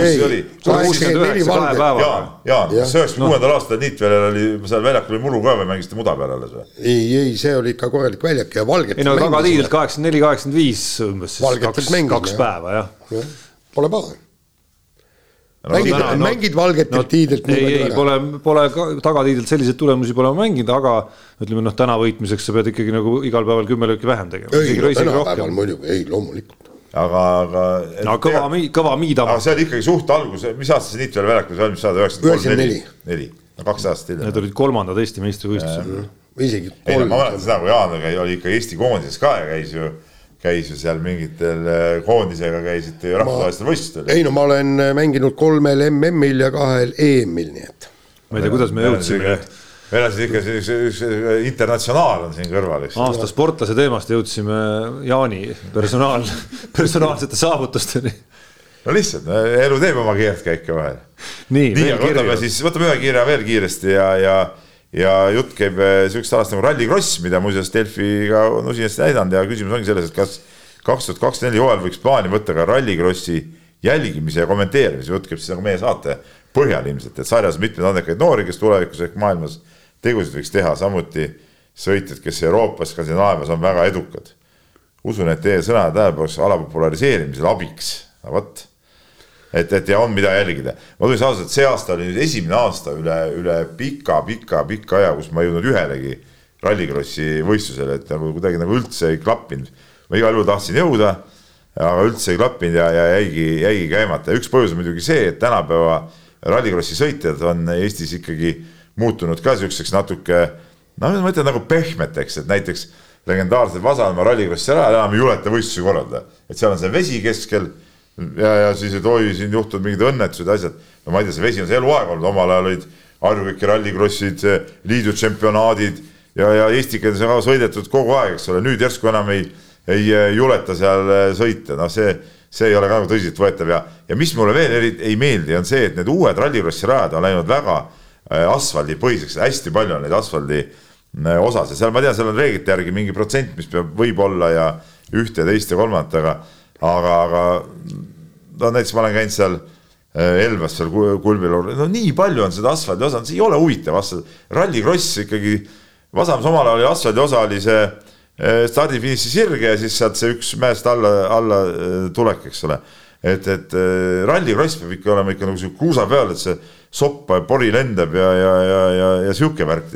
Ja, ja mis veel on, ka seda autode siukest natuke siukest nagu, nagu nügimist ja seda värki tahaks nagu näha, mitte jälle, et, et kui keegi seda natuke nügib, siis on oi-oi, et see on mingi must sõit ja no miks sõitke ära siis ma ei tea, eraldi stardist äh, viisteist kilomeetrit, kui tahate, tead, äh, kardate nügimist. ma juhin tähelepanu, Peep, et et nagu tavaline autoralli ongi eraldi stardist viisteist kilomeetrit keskmine kiirus, katsepikkus. keegi ei nügi sind, aga muidugi liiga aeglane, siis tagant keegi tuleb, müksab sind, aga, aga ei.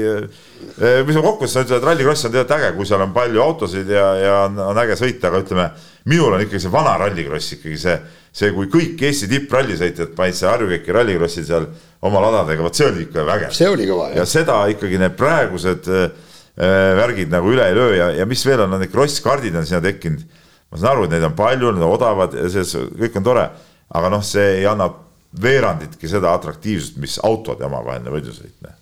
Nii on, et see nüüd oli siin rallikrossi spetsialist nagu rääkinud. noh, ega meil ei ole ka siit kõrvalt mitte midagi juurde lisada. ei, muidugi mitte. aga mis ma tahan veel öelda veel lõpetuseks äh, Mati Kass, kes veab rallikrossi, teeb väga ägedat tööd muidugi, see, seda ma tahan ka ütelda, et, et äh, ega see ei ole nagu Äh, kui ta saaks sinna rohkem autosid, siis oleks veel ägedam, vot nii. sõnaga kask meenub mulle vist eelmise nädala Maaleht äh, oli, seal oli selline inimene nagu Ants Kask andis intervjuu ja rääkis seal Äh, tõsist juttu, kuidas umbes äh, senised nii-öelda turvalise alkoholi tarvitamise normid on ikkagi valeks osutunud ja tuleb veel vähem tarvitada, et üle kahe klaasi veini nädalas on juba nagu ebatervis. see on isegi äh, euronoorele nagu liig nagu, kes, kes on ikkagi selle põhjal ikkagi nagu joodik tuleb välja. tuleb nii välja jah ja ja, ja, ja kusjuures kohe oli ju kuskil, kuskil ajakirjanduses oli ju see sajaaastastest on ju, seal oli no õnneks, no Ita, Itaaliat kõik õnneks niimoodi. ma saan alati mõelda, et aga itaallased peaks kõik surnud olema. ja, ei, aga seal oligi toodud, et eh, pika ela, elu ja üks põhjusi on kaks klaasi punast veini päevas. aga olgem ausad, Maaleht viimase avaldanud üldse väga eh, kummalisi lugusid, et nüüd see hiljuti oli Jaani mingisugune soperdis, mis leidis palju vastu ka ja ja, ja ei, mis oli, oli sisuliselt nagu vale olnud, nagu ma aru sain igalt poolt, et. ei, absoluutselt. riik peab ka nagu vestlema natuke. kuule, ta kuulab meie saadet. alati, kui, kui siin saates on midagi huvitavat tema jaoks kõlanud, siis järgmine kord koridoris vastu tulles ikkagi kõlab mingisugune täpsustus selle kohta. aga, aga kusjuures. see on nüüd kontroll, kas ta kuulas lõpuni meie saadet. et et nüüd üsna hiljuti, kas, kas oli nädala lõpus või kuskil, tuli jälle seesama kõik selle minu nii-öelda rohesoperdise peale, kõik tuli jälle kinnitus, et mul oli, tähendab mitte minul see kui vaja oli temal õigus, kui vaja oli temal õigus ja kui ei ole vaja, siis ütles, et ai, see, see, see mees, tema, tema ütles niimoodi. ei, ei, seal oli täiesti õige. see on nagu kodus vaatas, kui mingi nagu hea asi, siis meie teeme. Ja siis, kui mingi jama, siis nii-öelda, et sina tegid. aga nii, paneme saatele punkti ja vaadake ja kuulake meid järgmine kord. mehed ei nuta. Saate tõi sinuni Unibet, mängijatelt mängijatele